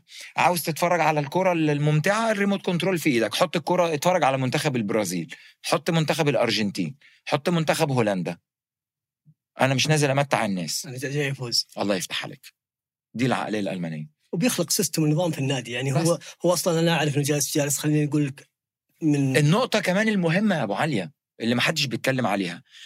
ولا لعيب في team أهلي جدة مستواه ثابت طول الموسم. هات لي لعيب مستوى- بس تقريبا هو اللي بقيه يعني إيه ثابت؟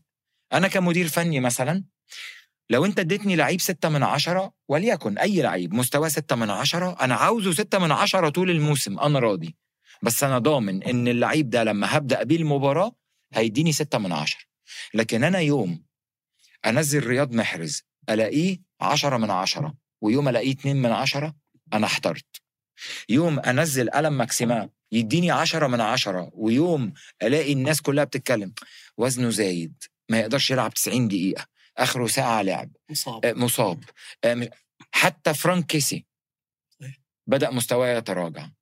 فيجا مش هو ده فيجا اللي كان في سيلتا فيجا اللي باريس سان جيرمان كان بيجري وراه اللي برشلونة كان بيقولوا ده فاكهة الكرة ده مشروع إنيستا الجديد ده مان سيتي دخل فيه ما- يوم فوق ويوم تحت. فيرمينو بدأ بداية ولا, ولا أروع بعد كده رجع. ممكن العت- العتب. الأكبر على اللاعب محلي يعني ما في quality عالي زي الأندية اللي بتنافس طب والله العظيم الوحيد اللي نوعا ما حتى لو أنت بتقدره بسبعة أو ثمانية من عشرة هو عبد الباسط هندي ال centre back اللي ناحية الشمال. هو المجحد تقريبا مستوى على الأقل بيدي لك لو أنت بتقدره إنه المدافع سبعة من عشرة على الأقل بيدي لك كل ماتش بسبعة من عشرة. مفيش ماتش لقيته اتنين من عشرة أو عامل أخطاء كارثية ومفيش ماتش حاسسك إنه مالديني أو نيستا.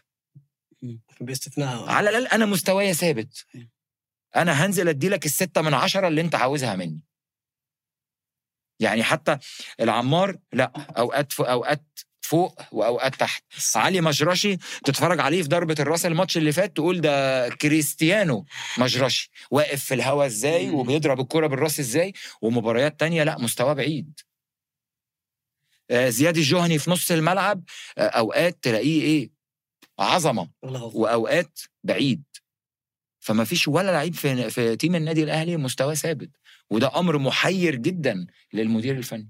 وأعتقد أبو زياد أكثر شيء يحتاجه الاهلي هو الصبر والإيمان إنه الوقت بيحل مشاكل كثيرة موجودة الله يفتح عليك. يعني نموذج النجاح السريع سواء كنت تفوز بالدوري أو حتى إنه كنت تجيب مركز متقدم يغذيه ترى فكرة إنه الفريق تعاقد مع أسماء كبيرة ثمانية عناصر أجنبية جديدة فبالتالي أنا وإن كنت توي صاعد بس أنا داخل فريق جديد ومختلف لكن الشق الثاني من هذه القصة أنه الفريق الجديد والمختلف يحتاج وقت المدرب يحتاج وقت. الفريق إعداده ما كان مثالي. يسله من أواخر المدربين اللي انضموا لأنديتهم فما كان مع الفريق طوال فترة الإعداد. فالإيمان أن كل شيء بيتحسن مع الوقت أفضل من النزوح إلى فكرة التغيير والبحث عن مدرب جديد أو حتى عناصر آه، جديدة. ممكن التغيير يكون بسيط في الفترة الشتوية لكن أعتقد أنه مع الوقت فراس قاعد يعطي أداء أفضل. فيجا يندمج مع المجموعة بشكل أفضل.